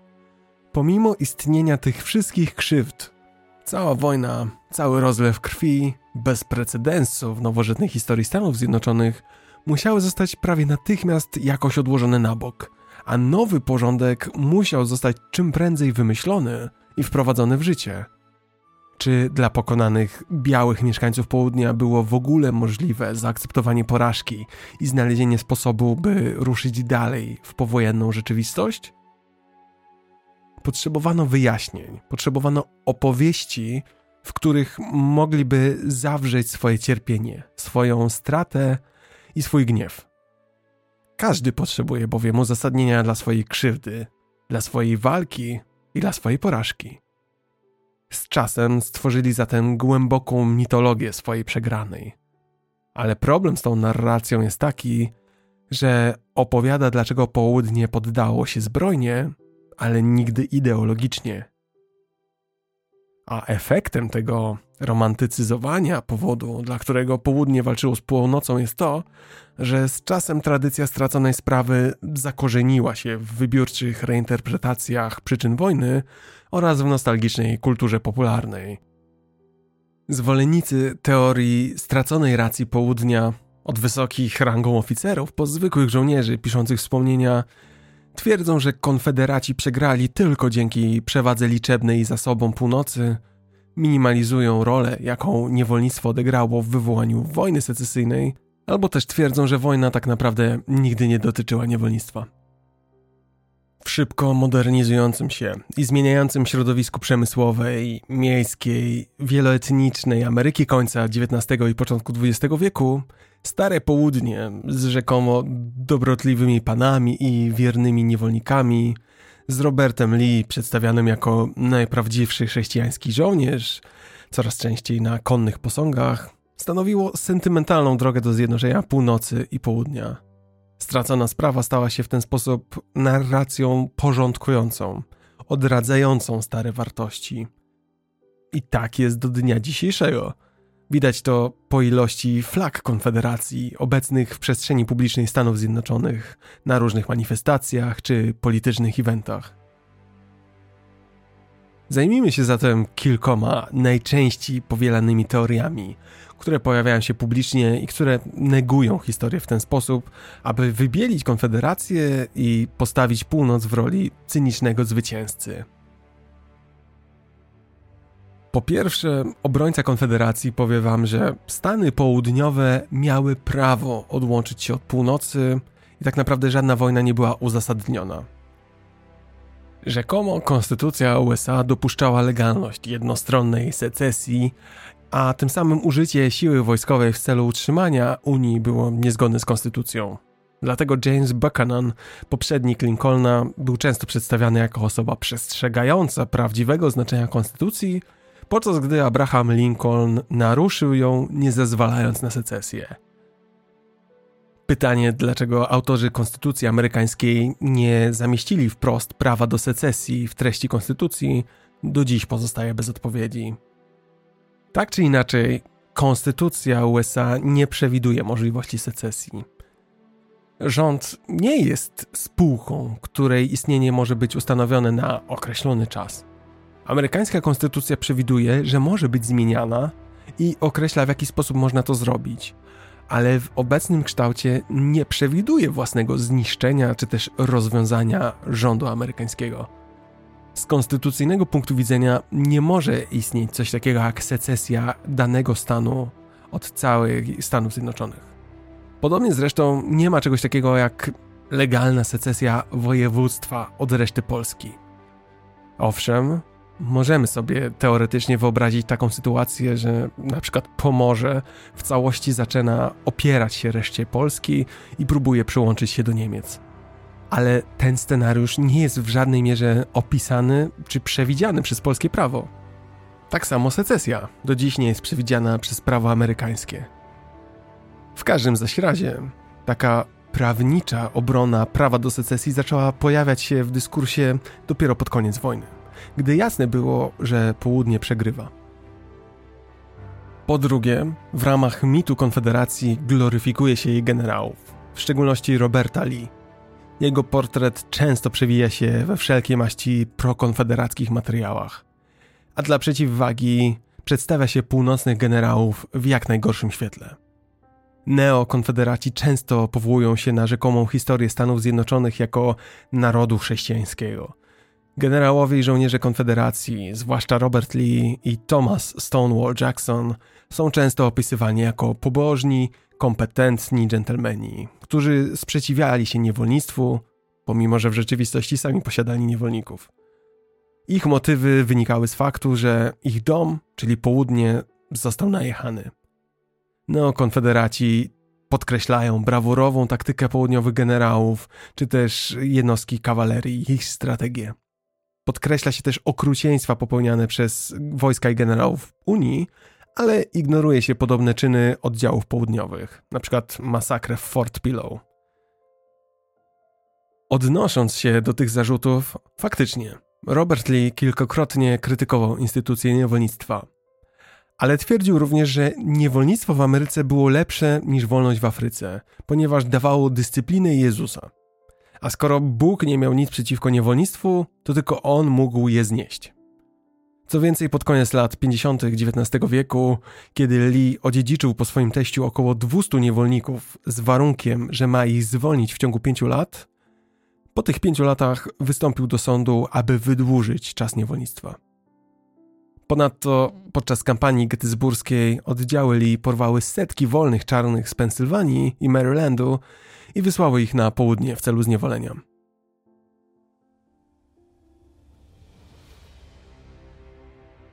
Po trzecie, neokonfederaci krytykują wydaną przez Lincolna w połowie wojny secesyjnej proklamację emancypacji. Był to akt prawny z połowy września 1862 roku, podpisany przez prezydenta Abrahama Lincolna. Znosił on niewolnictwo na obszarach już oddzielonych z konfederowanych Stanów Ameryki. Aby zaatakować proklamację, podkreśla się, że jedynie ogłosiła ona wolność niewolników w tych stanach, które nadal się buntowały, czyli dotyczyła jedynie 78% wszystkich amerykańskich niewolników. Proklamacja emancypacji faktycznie nie dotyczyła niewolników w stanach granicznych, stanach niewolniczych, które zdecydowały się pozostać przy północy. Były to Kentucky, Missouri, Maryland, Delaware i Virginia Zachodnia. W ten sposób próbuje się przedstawić Lincolna jako cynicznego potwora, który w istocie miłował niewolnictwo, ale próbował zniszczyć południe. Dlaczego proklamacja nie objęła wszystkich stanów od razu? Lincoln faktycznie na krótką metę zadziałał tu strategicznie. Nie miał w czasie wojny uprawnień do jednostronnego zniesienia niewolnictwa na obszarach nieobjętych wojną z USA – a w każdym razie wprowadzenie natychmiastowej emancypacji w niewolniczych stanach Unii wiązałoby się z ryzykiem zrażenia tych stanów, co mogłoby popchnąć niektóre z nich w ramiona Konfederacji. Pamiętajmy jednak, że dopiero gdy wojna zbliżała się ku końcowi, forsował trzynastą poprawkę, która już całkowicie zniosła amerykańskie niewolnictwo. Robił to wbrew opiniom, że lepiej poczekać do zakończenia konfliktu. Po czwarte, niewolnicy wreszcie. Tu pojawia się szereg fałszywych teorii. Neokonfederaci twierdzą, że niewolnicy byli zadowoleni ze swojego losu. Twierdzą, że niewolnictwo było łagodną i sprawiedliwą instytucją, która służyła poprawie losu czarnoskórych. Przykładem mogą być twierdzenia, że właściciele niewolników byli dla nich jako rodzina, że panowały partnerskie, równe relacje w domach z niewolnikami słysząc takie opisy, można się zastanawiać, po co w gospodarstwach niewolniczych y, były bicze. Tacy negacjoniści na przykład w całości ignorują bunty niewolników i tysiące ludzi, którzy uciekali do Unii z całym swoim dobytkiem w nadziei na odzyskanie wolności. Co więcej, neokonfederaci w kółko podkreślają, że na południu bywali wolni czarnoskórzy. Faktycznie, były takie przypadki. Spis ludności z 1860 roku wykazał 144 wolnych w Arkansas, 773 w Mississippi i 932 na Florydzie. W Virginii czy Karolinie Północnej było już trochę więcej, odpowiednio 58 i 30 tysięcy. Ale musimy pamiętać, że przed wojną secesyjną na amerykańskim południu pracowały ponad 4 miliony niewolników.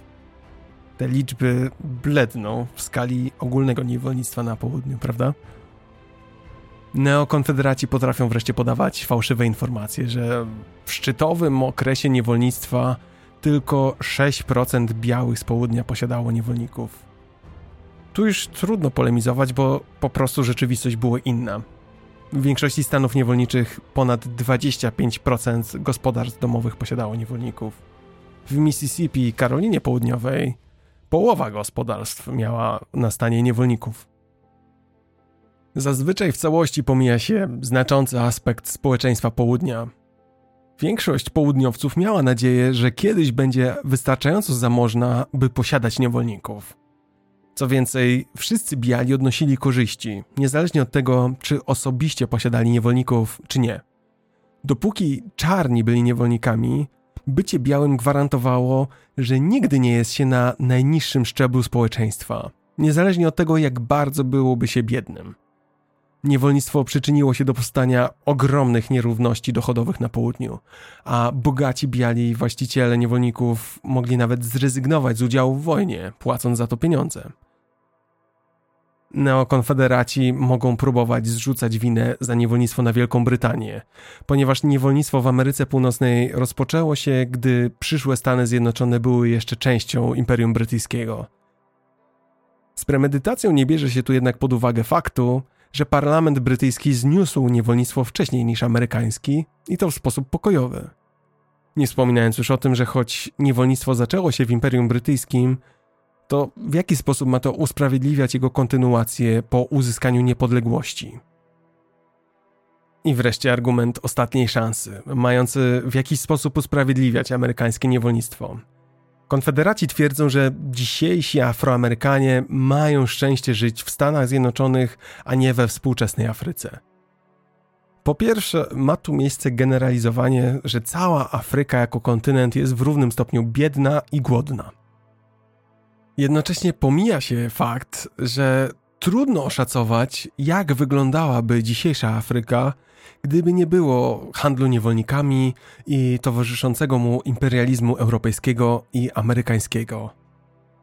Można sobie przecież wyobrazić, że gdyby obcy najeźdźcy regularnie przez dekady porywali setki tysięcy Amerykanów, to Stany Zjednoczone mogłyby stać się nieco gorszym miejscem do życia. Powiem więcej. Gdyby przemysł niewolniczy działał w takim właśnie celu, dla dobra ludzi w przyszłości, to dlaczego ludzi odbierano swoim rodzinom w Afryce siłą? Dlaczego ten argument nikogo nie przekonywał i w ogóle nie był podnoszony? Co ciekawe, w szczególności amerykańscy obrońcy Konfederacji, usprawiedliwiający handel niewolnikami, czyli tak naprawdę przymusową imigrację, mają również tendencję do zajmowania bardzo twardego stanowiska wobec współczesnej, nielegalnej imigracji. Na przykład popierają bezwzględną deportację nielegalnych imigrantów. Nie muszę też chyba dodawać, że nikt, kto tak twierdzi, nigdy nie proponowałby USA dziś zaczęło porywać ludzi z jakiegoś współczesnego, ubogiego kraju dla dobra przyszłych pokoleń. Mit Konfederacji nigdy nie umarł w amerykańskiej kulturze i polityce. Choć z biegiem lat coraz mniej jest głoszony w tak ostrym języku jak wkrótce po wojnie. Mit ten jest obecny we współczesnych pamiątkach i sztuce związaną z wojną secesyjną. Takie filmy jak Przeminęło z wiatrem czy Bogowie i generałowie. Widać go także we wszechobecnym używaniu flagi Konfederacji jako znaku sprzeciwu wobec y, praw obywatelskich i jako symbol południowej tożsamości.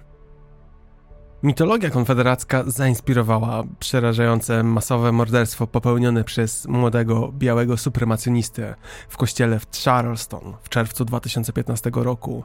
Była także obecna podczas wielkiego marszu białej supremacji, który zakończył się śmiercią jednej osoby i dziesiątkami rannych. Miało to miejsce w Virginii w sierpniu 2017 roku. I tak oto historyczny negacjonizm zbierał realne, śmiertelne żniwa.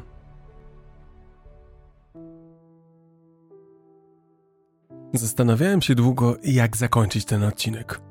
Podczas prac nad nim, a zajęły one grubo ponad 140 godzin samego researchu, gdy raz po raz docierało do mnie, jak bardzo prawda historyczna potrafi być naginana, wielokrotnie dochodziłem do wniosku, że historia jest pełna kłamstw. Teraz jednak myślę sobie, że się myliłem. Historia nie jest pełna kłamstw. Historia jest pełna perspektyw.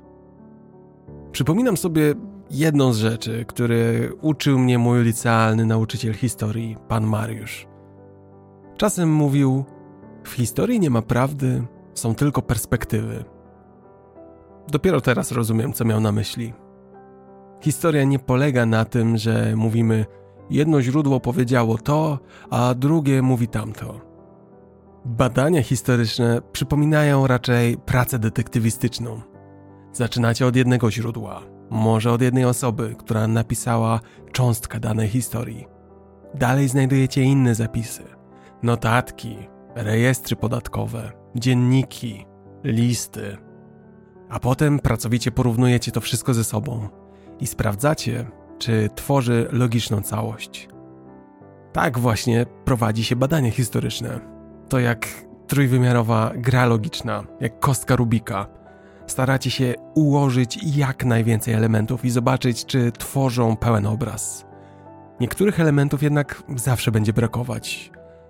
W rzeczywistości bowiem istnieje niewiele wiarygodnych dowodów dotyczących tego, co kiedyś się wydarzyło. Musimy polegać na ludziach, którzy zapisywali swoje notatki, swoje historie, ale ludzie zawsze są stronniczy. Jako historycy musimy identyfikować fakty i oddzielać je od perspektyw. Fakty są ważne, ale perspektywy są jeszcze ważniejsze. Dzięki nim wiemy, co ludzie myślą o danym zdarzeniu. I oczywiście, może to być coś z gruntu nieprawdziwego, ale to dalej jest perspektywa. Naszym obowiązkiem jest z nią walczyć, ale na argumenty. W tym sensie historia jest wielowarstwowa. W jej centrum znajdują się fakty. Widzimy tylko niewielką ich część. Zazwyczaj czerpiemy je z wykopalisk archeologicznych, ale na to nakładają się warstwy, współczesne zapisy wydarzeń historycznych, to co ludzie pisali w swoich pamiętnikach, wspomnieniach, w korespondencji z przyjaciółmi i rodzinami, oficjalne zapisy. Kolejna warstwa to zapisy historyczne, kroniki, odtwarzane przez kolejne i kolejne pokolenie. A dalej standardowa historia podręcznikowa, w której wszystko ujęto już w ładne linie czasowe i spójną, konsekwentną retorykę. Każda warstwa jest sama w sobie interesująca do badania. To samo zdarzenie można opisać z różnych perspektyw w bardzo różny sposób. Każda retoryka z innej perspektywy, z innej epoki historycznej mówi bardzo wiele o tamtych czasach i tamtych ludziach. Można próbować drążyć i odkrywać fakty. Można też badać poszczególne elementy układanki i dowiedzieć się w ten sposób więcej. W końcu jednak dojdziemy do pewnego wniosku. Musimy pogodzić się z tym, że w historii nie ma prawdy. Czasem część faktów będzie niekompletna. Czasami trzeba zadowolić się spekulacjami i domysłami. Taka jest natura badań historycznych. Czym zatem jest historia? Podzielę się z Wami moją ulubioną definicją. Historia to ludzkość, która woła w przyszłość, i to od nas zależy, czy tego wołania wysłuchamy.